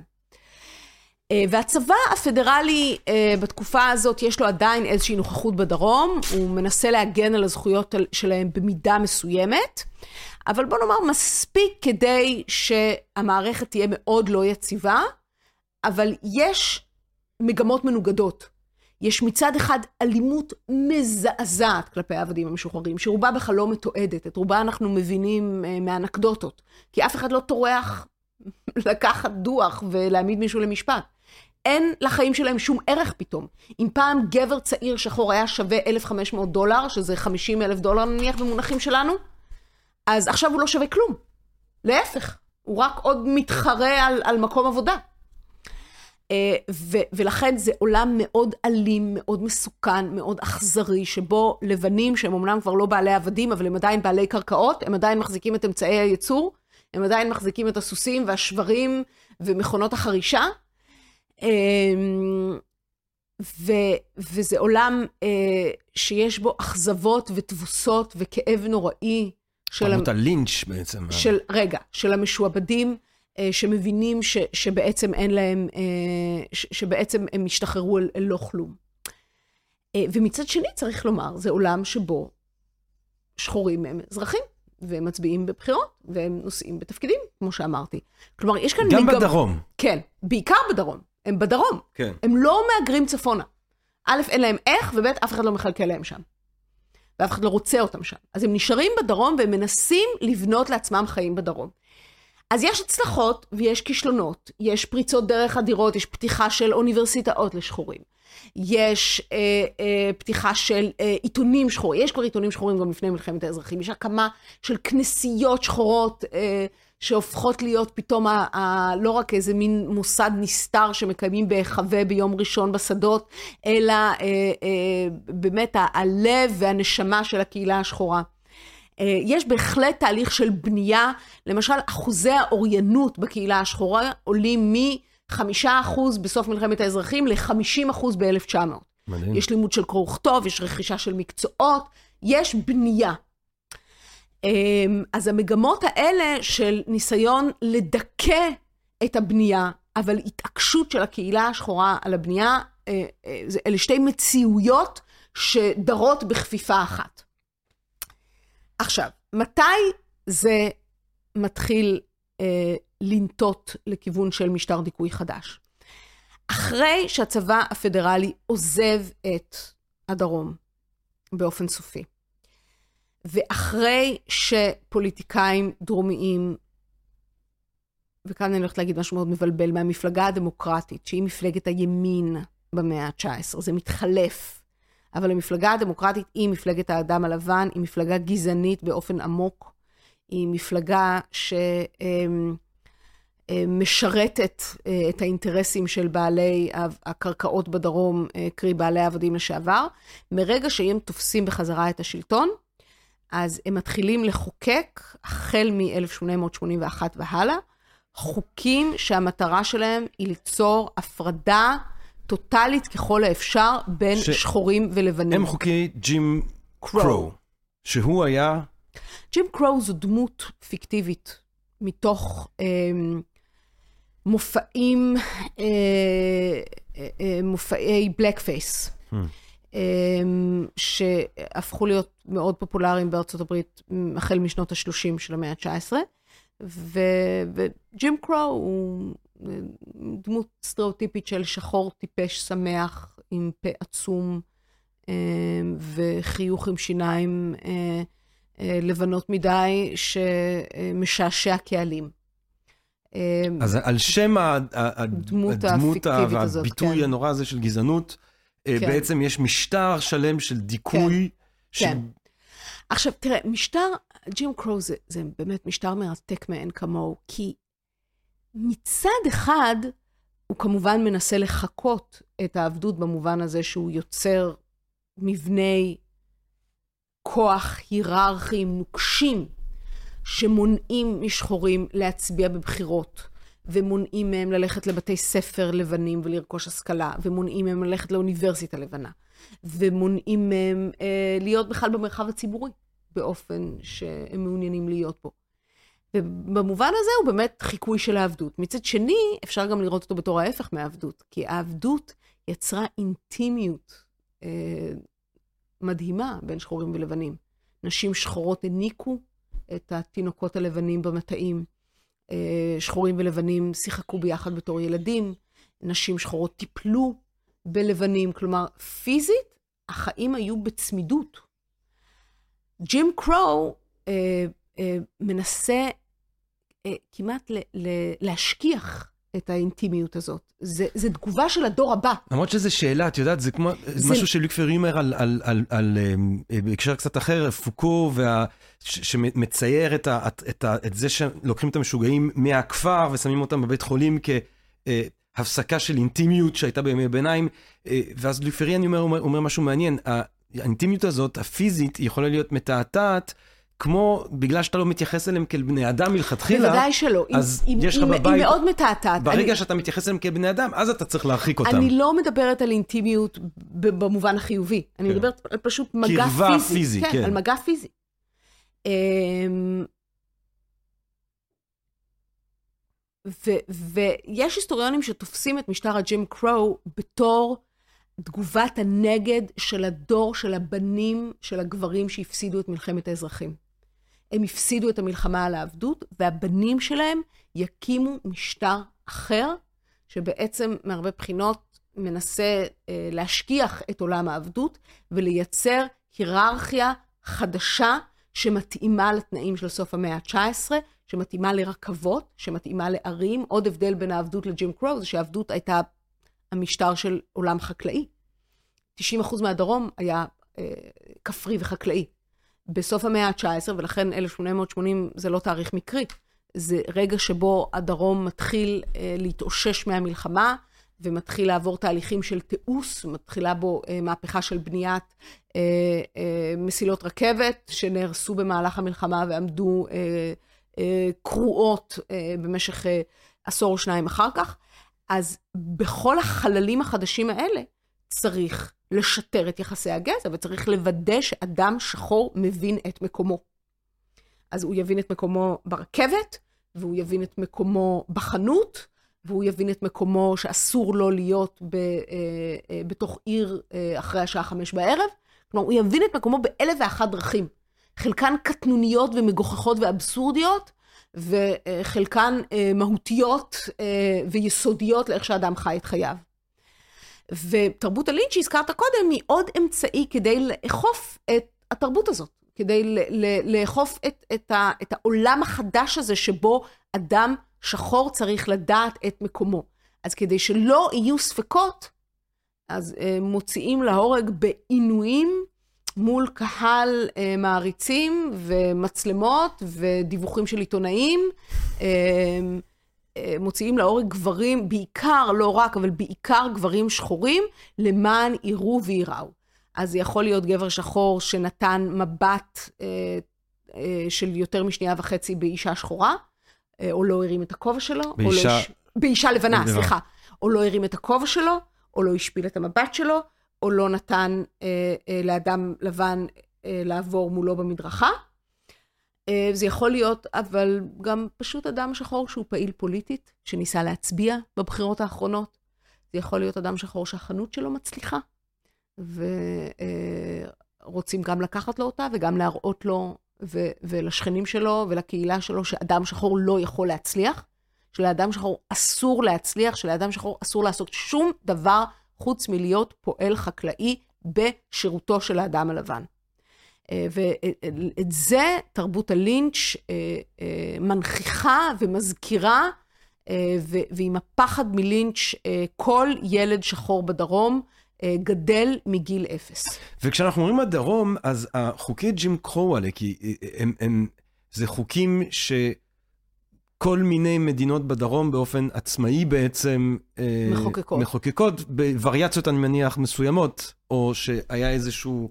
משהו זה, קוהרנטי בעיניהם. הם, הם הולכים והופכים יותר ויותר דומים אחד לשני, החוקים הללו, אבל כן, כל מדינה מעבירה את החוקים שלה. זה כל כך רלוונטי עכשיו בגלל פסיקת ההפלות, כי אה, אנחנו עכשיו רואים איך שוב בית המשפט העליון בעצם נותן לכל מדינה את האפשרות לחוקק את החוקים שלה. אז אם היום יש מדינה שלא אה, מוכנה לאפשר לאישה לעבור הפלה, גם אם היא קורבן לאונס של, אה, אה, שאנס אותה אבא שלה, ונכנסת להיריון, היא עדיין צריכה ללדת את הילד הזה. אז ככה, בסוף המאה ה-19, אה, בית המשפט העליון מתיר לכל מדינה אה, לחוקק ש... Uh, אתה רוצה באמת את האבסורד האולטימטיבי? שכלבים של שחורים לא יכולים להיות קבורים ליד כלבים של לבנים בבית הקברות לחיות של העיר המקומית. Hmm. זה עניין מדינתי. עכשיו, בית המשפט העליון צריך להתיר את זה, נכון? בדיוק עכשיו כמו עם איסור ההפלות. אז כפי שעכשיו בית המשפט העליון התיר לאסור על אישה לעבור הפלה, ב-1896 הוא מתיר למדינות הדרום לאסור כל איסור שהן מבקשות על אה, אדם שחור, בתנאי שהן שומרות על כלל שנקרא separate but equal, נפרד אבל שווה. כלומר, כל עוד מספקים בתי ספר שווים גם לילדים שחורים וגם לילדים לבנים, אז אה, מותר להפריד ביניהם. כמובן שבתי הספר האלה הם כל דבר חוץ משווים. בית הספר השחור הוא מבנה של חדר אחד בתוך שדה שילדים שחורים הולכים אליו ברגל. בית הספר הלבן הוא מבנה מודרני עם שירותי אה, ניקיון, אה, ש, שילדים שחורים נוסעים אליו אה, אה, קודם בכרכרה ואז באוטובוס. אה, ו, וככה הולך ומשתרש לו בתהליך שהוא מצד אחד מדינתי, אבל מצד שני מקבל את התמיכה והאישור וההבנה של הממשלה הפדרלית, בין אם זה בית המשפט העליון, ובין אם זה הגופים הפדרליים האחרים, הקונגרס והבית הלבן. ומה מצבם של uh, חברות וחברי הקהילה השחורה בצפון בזמן הזה של ג'ים קרו בדרום? יותר טוב מבדרום, בהרבה, אבל uh, רחוק מלהיות מזהיר. כלומר, הם uh, מצביעים בבחירות, אין כלפיהם הפרדה uh, גזעית חוקית וממוסדת, אבל יש דפוסים של אה, הפרדה גזעית דה פקטו, שהמשמעות שלהם היא לא זהה, אבל היא די דומה. אה, הם בעיקר מאוד מאוד עניים, כלומר, הם באמת מתקיימים אה, קיום מאוד אה, בסיסי, אה, מאוד שברירי בתוך החברה הלבנה. אה, הם כמובן לא יכולים אה, להתקדם, כי הם לא יכולים לעבוד כרופאים, הם לא יכולים לעבוד כמרצים באוניברסיטאות, הם יכולים להרצות באוניברסיטאות שחורות, הם יכולים לעבוד בבתי חולים שחורים. אז, אז זה ההבדל, כלומר, הפרדה גזעית קיימת, אבל אין מי שימנע באלימות או בחקיקה, לא תמיד זה ברור מה יותר גרוע, האלימות הלא ממוסדת או החקיקה הממוסדת. אבל אבל אין מי שמונע הקמה של מוסדות שחורים, בנייה של קהילה שחורה, וצריך לומר, הם כן מצביעים בבחירות. Hmm. אה, שזה אה, עולם ומלואו. ומבחינה תרבותית, כי אם דיב... התחלנו לדבר על, על, על, על התחומה המוזיקלית, כי אולי זה הדבר שאנשים אה, מכירים ביתר שאת, הג'אז, הבלוז, מיסיסיפי, ניו אורלינס, זאת אומרת, דווקא בדרום, למרות האפליה המזעזעת הזאת, יש תסיסה תרבותית מדהימה. אני לא חושבת מדהימה. שזה למרות, אני חושבת שזה בגלל. כן. יש שם יצור תרבותי אדיר של קהילה שסובלת ו- מתעלת את הסבל שלה ליצירתיות. אה, הבלוז והג'אז הם גלגולים של שירת העבדים. ו, והם מתחילים להגיע צפונה, נניח סביב 1920. אה, כן. זה גם עידן של התפתחויות טכנולוגיות קריטיות, למשל המצאת התקליט, כן. הרדיו. הם מגיעים לשיקגו, הרבה מהבלוזמנים מגיעים לשיקגו, הרבה אה, מהג'אזיסטים מגיעים לשיקגו, כן, ניו יורק. כי, כי מיסיסיפי, אה, יש נתיבי הגירה מאוד ספציפיים מהדרום לצפון, ומיסיסיפי מזינה הגירה לשיקגו. אז הם מגיעים לשיקגו לא רק כנגני בלוז, הם מגיעים גם כפועלים. אה, והם מביאים איתם אה, את היצירה השחורה הדרומית, אה, שבצפון כמובן, בגלל שבסופו של דבר, מה שהיה נכון בשנת 1600, נכון גם בשנת 1900, יש מי שרוצה לעשות מזה כסף, ויש מי ששומע את המוזיקה הזאת ורוצה לשווק אותה, קודם כל לקהלים שחורים. זה נקרא race music, והתקליטים שנגני הבלוז האלה מקליטים נקראים race records. אה, ואחר כך גם לקהלים לבנים. אה, אחר כך אה, מגיעים המפיקים שמבינים שמי שיקח מוזיקה שחורה וישים אותה בפה של אדם לבן, יהיה עשיר כקורח. וככה כן. אנחנו מגיעים אל אלוויס פרסלי. כן, אלוויס פרסלי, או הצ'ס רקורדס של האחים, האחים צ'ס. אני, אני, אני חושב גם שזה אחד מהתופעות התרבותיות המפעימות ביותר לראות איך שתרבות שורדת בעצם, כי אתה, אה, היה לי חבר מוזיקאי שהשמיע לי אה, מוזיקה ממערב אפריקה ומוזיקה ג'אז, ואתה שומע כל כך את השורשים האפריקאים של המוזיקה, ואתה אומר, זה מדהים שהדבר הזה יכול לשרוד את התופת הזאת שתיארת. אה, במשך מאות שנים ולפחוח מחדש, זאת אומרת, זה מראה, זה, זה, זה כוח לא יאומן. זה אלו קהילות עם כוח הישרדות אדיר. אלה קהילות ש... שאני לא רוצה להישמע קלישאית, אבל באמת נאחזות בחיים. כן. אה, אלה הורים שמאבדים את הילדים שלהם ומולידים עוד ילדים וקוראים להם על שם הילדים שאבדו. אלה ילדים שנשארים בלי כלום, אבודים לגמרי בין זרים, ו- ותימצא האישה ש- שתאמץ אותם ושתיתן להם בית. אלה קהילות ש- שאנשים אה, חיים בסולידריות ותומכים אחד בשני, ו- וכן, ובסופי שבוע, ב- ביום ראשון שבו לא עובדים, והנה עוד סיבה אה, להכיר תודה על הנצרות, כי היא נותנת את יום החופש של יום ראשון, אה, מקיימים בה חיים של תרבות. אה, וזה מה שמאפשר לאנשים לשרוד, זה מה שנותן להם משמעות. ג'ים קרו בעצם מחזיק מעמד עד לסוף סוף חדשות אה, באמת טובות באיזשהו אופן, וזה קורה היסטורית אתמול בערב. אה, שנות ה-50, שנות ה-60, אה, התעוררות פוליטית. אז, אז זהו, אז כאן או אני... או ככה, בטח את אה, תשימי כן, את זה בספק. כן, עכשיו אני גם, גם רוצה לקחת את התאריך הזה ולנפץ אותו. תראה, התאריך הכי חשוב הוא 1954, שבו בית המשפט העליון, אולי הוא נראה לי כרגע הכי חשוב, כי אני כל כך עסוקה בבית המשפט העליון העכשווי, אבל בית המשפט העליון האמריקאי בשנת 1954 פוסק ש... uh, separate but equal, שהעיקרון של נפרד אבל שווה, uh, מנוגד לעקרון השוויון בתיקון ה-14, ואין לו מקום בחיים האמריקאים. ובאופן מסורתי, uh, ככה אנחנו רואים את עידן זכויות האזרח. כלומר, מה שנקרא ה-Classic Civil Rights Era, עידן זכויות האזרח הקלאסי הוא 1954 עד 1965.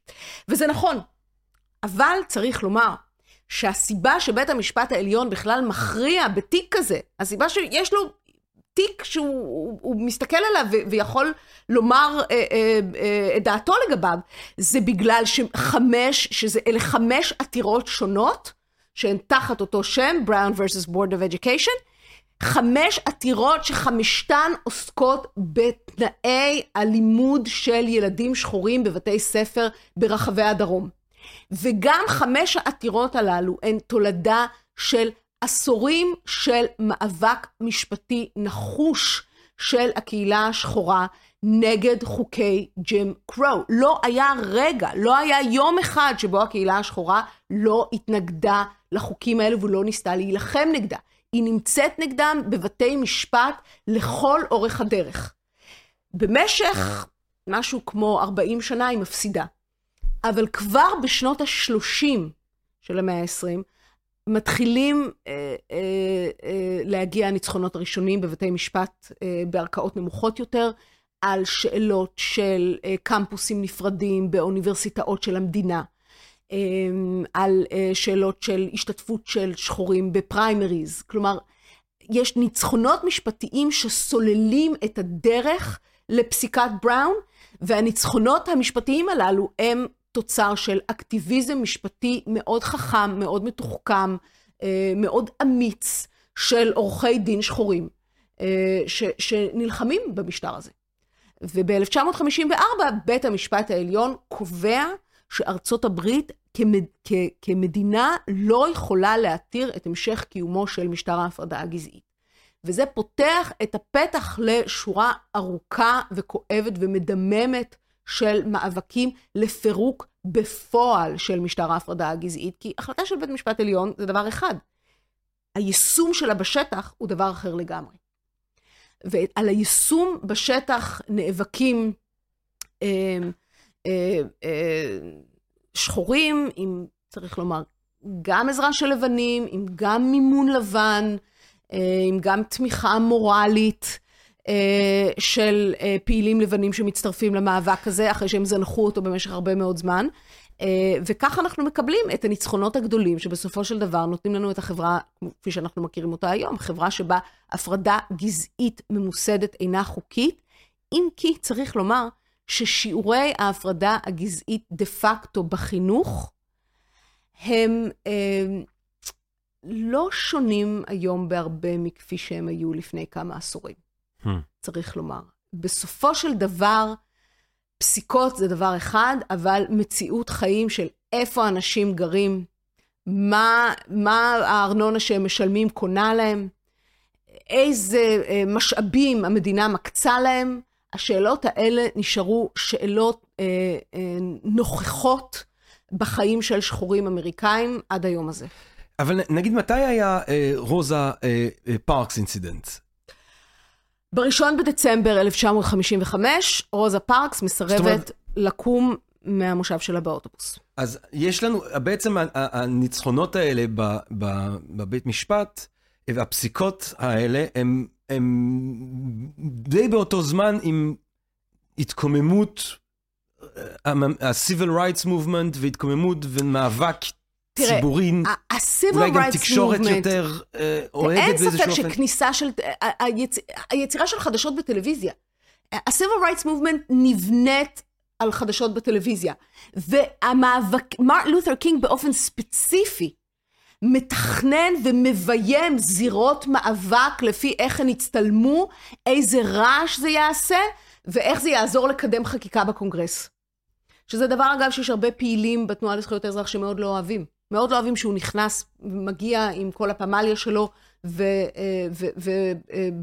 ומעורר אה, אה, המולה תקשורתית. כי יש כל מיני סוגים של פעולה למען זכויות אזרח, כל מיני דרכים לפרק את ההפרדה הגזעית, והדרכים של מרטין לותר קינג הם רק כלי אחד בארסנל השחור, זה הכלי הכי מפורסם, אולי בסופו של דבר זה גם הכלי הכי אפקטיבי, אבל צריך לומר, גם התנועה לזכויות האזרח היא לא הרמונית והיא לא שוויונית אה, והיא לא קונצנזואלית כפי שהיא נדמת לנו היום באור הוורדרד שעוטף אותה בזיכ... בזיכרון הקולקטיבי.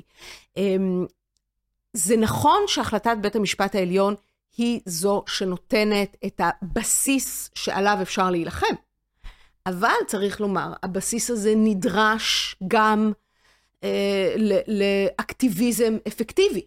ובשנות ה-50 וה-60 אנחנו מתחילים אה, אה, אכן לראות את הפירות של עשורים של התארגנות, שמקבלים אה, באמת דלק או איזה מין זריקת מרץ לווריד עם פסיקת בית המשפט העליון, והופכים להיות אה, תנועת המונים הרבה יותר נועזת, אה, הרבה יותר אסרטיבית אה, בדרישות שלה, אה, ש, ו, ותנועה שבסופו של דבר גם מביאה את שני ההישגים הכי משמעותיים אה, לקהילה השחורה במאה ה-20, שהם החוקים שעברו בשנת 1964 ו-1965, ה-Civil Rights Act, חוק זכויות האזרח, וה-Voting Rights Act, זכות, אה, חוק זכות ההצבעה, שהם אלו שמבשרים את תום עידן ההפרדה הגזעית ושלילת הזכויות הממוסדת משחורים אמריקאים. עכשיו, פתחת בקשרים בין שואת יהודי אירופה לבין אה, הטרגדיה האפריקאית-אמריקאית, אי אפשר להתעלם מהעובדה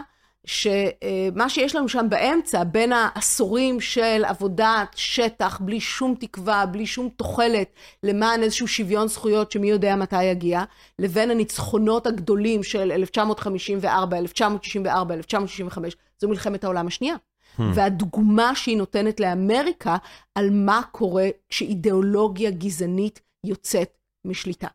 הצבא האמריקאי במלחמת העולם השנייה, צריך להזכיר, נלחם ביחידות מופרדות גזעית.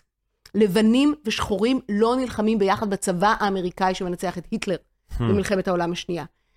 אבל ב-1948, הנשיא הארי טרומן מורה על ביטול ההפרדה הגזעית בתוך הצבא. זאת אומרת שיש כאן איזה מין טנגו, מצד אחד האבסורד בהתגלמותו, ומצד שני גם אה, אה, תנועה קדימה לעבר הגשמת האידיאל האמריקאי של חירות ושוויון לכולם. אמ, דיברנו מקודם על זה שה-Civil Rights Movement אה, באמת הוא הרבה פחות, אה, גם שם היה רב גוניות של קולות ועמדות, ואני חושב שאחד מה... שני הקולות הבולטים זה מרטין לותר קינג ובאמת מלקום איקס נגיד, נכון. כדוגמה הבולטת, הסמל הבולט של הצד היותר רדיקלי, שבו, שאני חושב שגם בעקבות החלק הזה של ההיסטוריה שהצצנו עליו היום, הוא מאוד מובן. זאת אומרת, מאוד מובן שיהיה לך יחס הרבה יותר אה, כועס, הרבה יותר פסימי, הרבה יותר רדיקלי כלפי המציאות האמריקאית הזאת, ש, ש, ש, שעשתה את מה שעשתה ובנתה את עצמה איך שבנתה את עצמה. תראה, מלקום אקס אה, באמת מגיע מרקע אחר לגמרי ממרטין לותר קינג. עם, עם קינג הוא מגיע, קינג מגיע מהמעמד השחור הבינוני באטלנטה. גם אבא שלו הוא כומר אה, חשוב מאוד, מנהיג ציבורי רב השפעה אה, באטלנטה, ג'ורג'ה, שהיא בירת המעמד הבינוני השחור מ-1880 ועד ימינו אנו.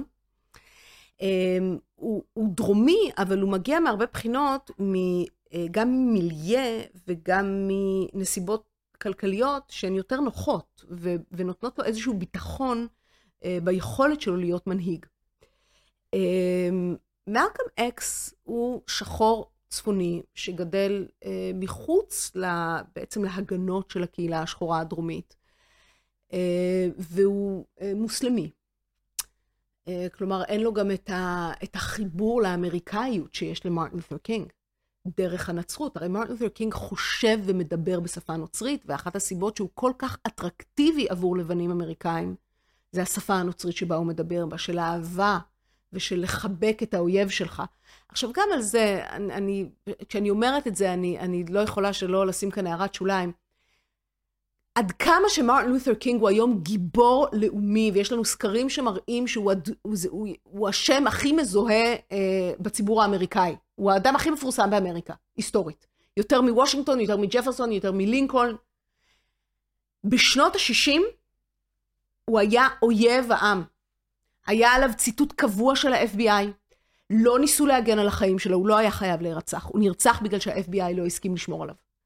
אה, אה, הוא, הוא אה, נחשב לקומוניסט, הוא נחשב לאנטי-אמריקאי, הוא נחשב לאנטי-קפיטליסט, הוא התנגד למלחמה בווייטנאם, שאז היה נחשב לחילול הקודש. הוא היה אדם שנוא על ידי הממסד, שעורר הרבה מאוד פחד ממש קיומי אצל, גם אצל אמריקאים לבנים בצפון. ובכל זאת צריך לומר שיש שדרות בתוך הציבור האמריקאי שאליהם הרטוריקה הנוצרית שלו חדרה, ואליהם אידיאולוגיית האי-אלימות שהוא האמין בה והוא יישם אותה והוא הראה איזה כוח יש לה, שזה דיבר עליהם. מרקם אקס לא בא לא מתוך אידיאולוגיית האי-אלימות ולא מתוך הנצרות ולא מתוך קהילה שבעה עם, עם, עם, שיש לה מה להפסיד באטלנטה. הוא בא באמת מהשוליים של החברה אה, השחורה אה, בצפון, שהיא מנוכרת ומבודדת, אה, ו, והוא מייצר באמת אלטרנטיבה שכופרת ב, ב, באידיאולוגיה שמרטין לותר קינג מנסה לבסס עליה את התנועה שהוא מוביל, hmm.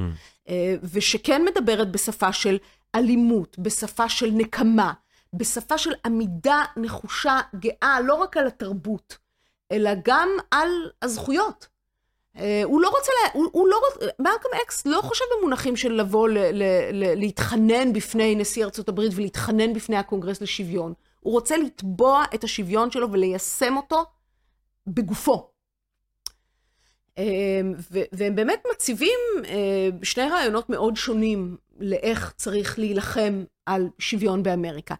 מצד שני, וכאן שוב אני באה לקלקל את, ה, אה, את הדימויים ההיסטוריים שמסתובבים בתרבות הפופולרית, היה ביניהם, היו ביניהם פחות הבדלים ממה שנראה לעין. וצריך לומר שלקראת סוף חייו של מלקום אקס, הוא הלך והתקרב גם לתנועה לזכויות האזרח וגם לקינג באופן אישי.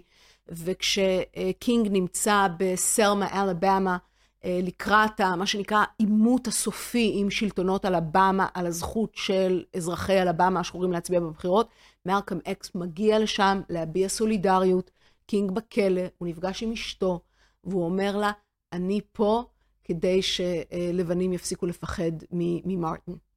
אה, אני, אני מציב את האלטרנטיבה ש, mm. שממנה הם יכולים לפחד, כדי שאותו הם יוכלו לאהוב. מעניין.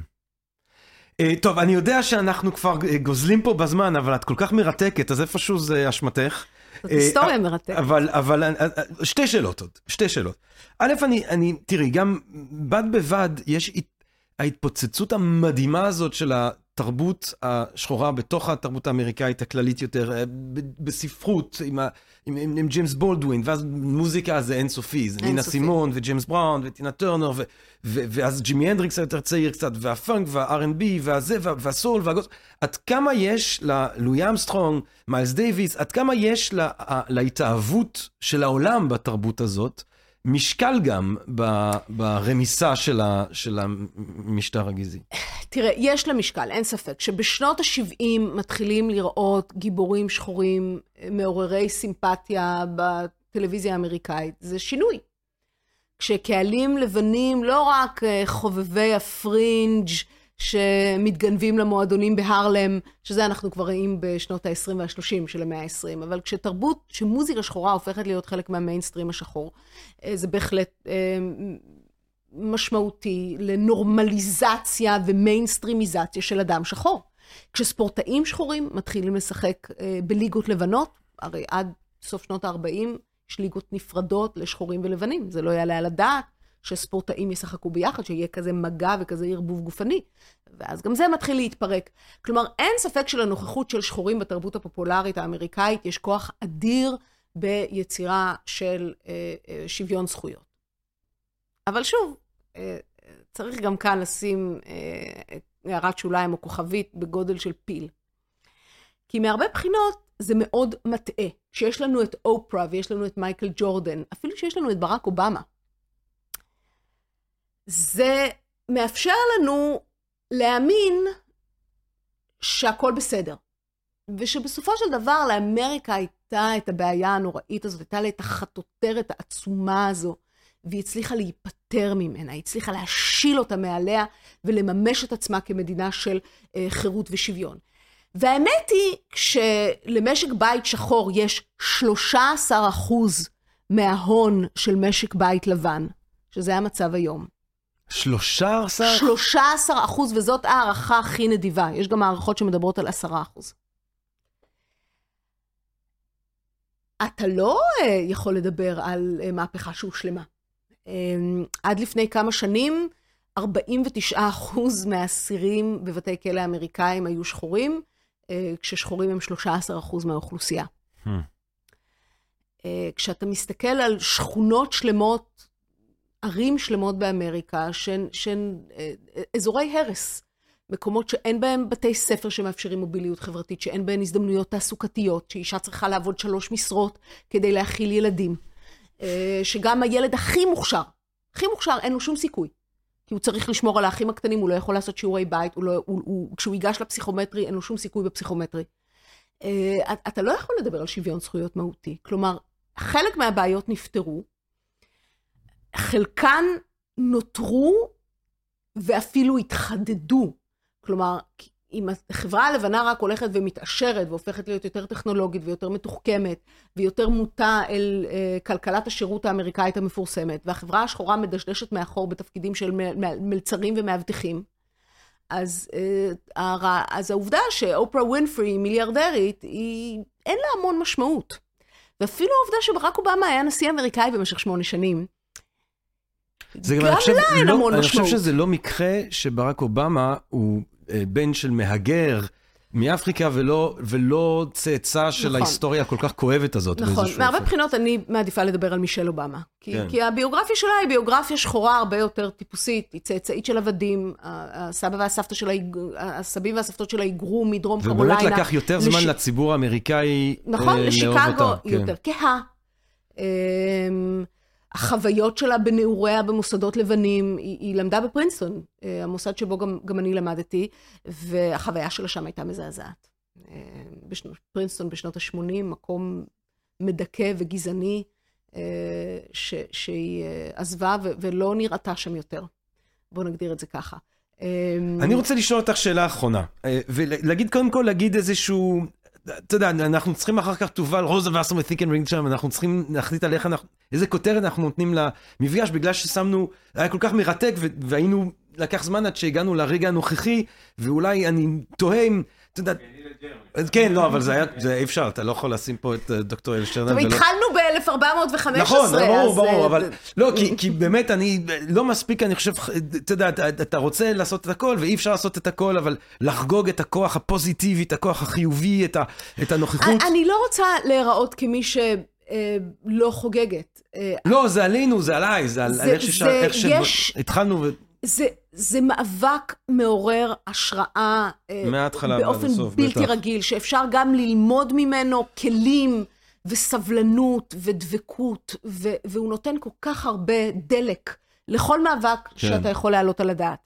אמ, ו, ואני לא רוצה לבטל את העובדה שרוב השחורים היום הם, הם לא עניים, צריך לומר. אה, כלומר, הם, הם מצליחים להתקיים באיזשהו קיום ש, שהוא כבר לא הקיום, לא של העבדות ולא של ג'ים כן. קרו, וגם לא- אפילו לא של לא, 1965. ברור שאפשר גם בתשדיר של גם שעה וחצי, אבל, אבל העניין הוא כזה. אבל- אני, אני, אני רציתי לשאול אותך כשאלת סיכום ככה. עד כמה כל ההיסטוריה, ודיברנו בעיקר, מה שאני מתכוון לומר, שדיברנו בעיקר על הצד הכואב, המאוד בולט של ההיסטוריה הזאת, עד כמה היית אומרת, את מסתכלת על התרבות האמריקאית היום, אנחנו מסתכלים על אמריקה של 2022, עד כמה, כל עד כמה הקיום האפרו-אמריקאי היום בארצות הברית, הוא עדיין בעצם טמון בו העבר הזה. כי אני יודע שיש צד פוליטי, לפחות באמריקה, שאומר, טוב, זה עבר, והרעיון הזה של, של וידור גוטמחום, כמו שאנחנו אומרים אצלנו, כן? של תשלומים, אה, זה רעיון הזוי, מה פתאום, מה פתאום, כי זה לפני 200 שנה ולפני 100 שנה. עד כמה בעצם הקיום היום, הסטטיסטיקות האלה, ה-13 אחוז, והסטטיסטיקות הקשות האלה, עד כמה הן בעצם עדיין משקפות את העבר הנורא הזה, האכזרי הזה ש, שתיארנו. אז החברה השחורה היום בארצות הברית מפולגת כפי שהיא אולי לא הייתה מעולם, בין אה, נתח אחד שהצליח ליהנות מהישגי התנועה לזכויות האזרח, והצליח ליהנות מהאפליה המתקנת, והצליח ליהנות מהרצון בדייברסיטי, במגוון, בכל מקום, בממשלה, באוניברסיטאות, ב- ב- בתאגידים, אה, בתרבות בוודאי. אה, ו- ו- והחיים של, של הציבור הזה, אתה יודע, כמו שברק אובמה אמר פעם, כש, כשהייתי אה, יורד במעלית, הייתי אה, מרגיש שהאישה הלבנה שעומדת לידי מחזיקה את התיק שלה טיפה יותר צמוד אה, לגוף שלה, יש לו ציטוט מאוד מפורסם כזה. או שהוא הולך לחנייה, הוא נמצא באיזשהו מקום ציבורי. ו- וגם גבר שחור לבוש בחליפה ועם עם תיק אה, תמיד ירגיש את המבט הזה שאולי הוא בעצם אדם אלים ומסוכן. זה המורשת שנשארנו איתה מעידן הלינץ'. אבל צריך לומר, האדם הזה, יש לו היום הזדמנויות, ולאשתו יש הזדמנויות, ולבנות שלו יש הזדמנויות, אה, שמאפשרות להם, צריך לומר, שוויון זכויות מהותי באמריקה. זה לא רק שוויון חוקי, אלא זה גם שוויון הזדמנויות, אה, ש- שמתבטא אה, בבולטות ציבורית, במוביליות חברתית, כלכלית, גיאוגרפית, אה, שמאפשר להם אורח חיים שהוא אה, לכל דבר ועניין אורח חיים של אה, מה שאנחנו קוראים במרכאות כפולות ענקיות, החלום האמריקאי. לצד זה, צריך לומר שמרבית הציבור השחור אה, לא נהנה מהיתרונות הללו, שמרבית הציבור השחור עדיין חי בצילה של גזענות ממוסדת, שיש לה אלף ואחת צורות, גם אם היא כבר לא חוקית על פי פסיקת בית המשפט העליון. ושהיא מתבטאת אה, קודם כל במורשת של נישול. יש לנו כאן 250 שנה של משכורות שלא שולמו, ועוד 100 שנה שבהן אדם שחור יכול לעבוד רק כפועל במפעל או כמנקה. וה-350 שנה האלה אה, חסרות, צריך לומר, והן מסבירות מדוע אין אה, אה, הון שעובר מדור לדור ומאפשר לאנשים מוביליות ושגשוג. אלה קהילות שחיות במידה רבה בנפרד. אלה קהילות שבהרבה מדינות נמצאות במאבקים קשים מול רשויות המדינה על חלוקת משאבים שווה. ו...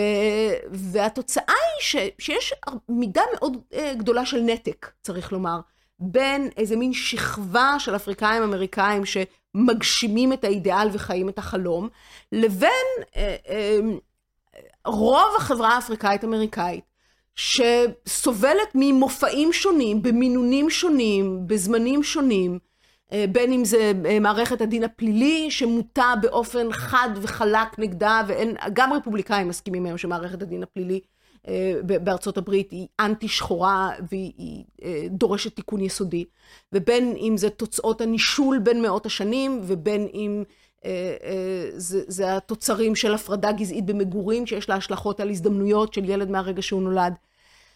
אז יש כאן כמה סיפורים, זה לא סיפור אחד. אה, זה אף פעם לא היה סיפור אחד, אבל היום יותר מאי פעם זה לא סיפור אחד, אלא יש לנו כאן כמה מציאויות אפריקאיות, אמריקאיות, שמתרחשות, שמתקיימות במקביל.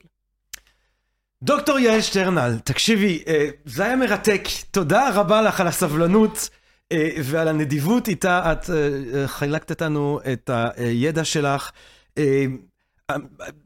את יודעת, לדבר עם מישהי כמוך, אתה מרגיש, שאתה, זה כמו שאתה מרגיש, היום אתה יכול לעשות משקפיים וירטואליות, ואתה יכול ללכת לכל פינה, ומה קורה פה ומה קורה פה, ו... אז יש עוד כל כך הרבה מקומות אה, שהיינו אה, יכולים לטייל בהם, ואני אשמח אם מתישהו תבוא אלינו שוב ונדבר, נצא לעוד חפירה כזאת לכיוונים אחרים. אה, בשמחה, זה היה תענוג גדול, אה, וכשזה מגיע ממך, זאת באמת... לא, מה... תקשיבי, אני, אנחנו פה אה, עפנו היום, אה, אני רוצה מאוד לא... אריה טוב, סתם, את יודעת מה, אני, השם של אריה טובמן, אני חשבתי עליו מקודם. אה, אמ, כאל איזה דמות ש...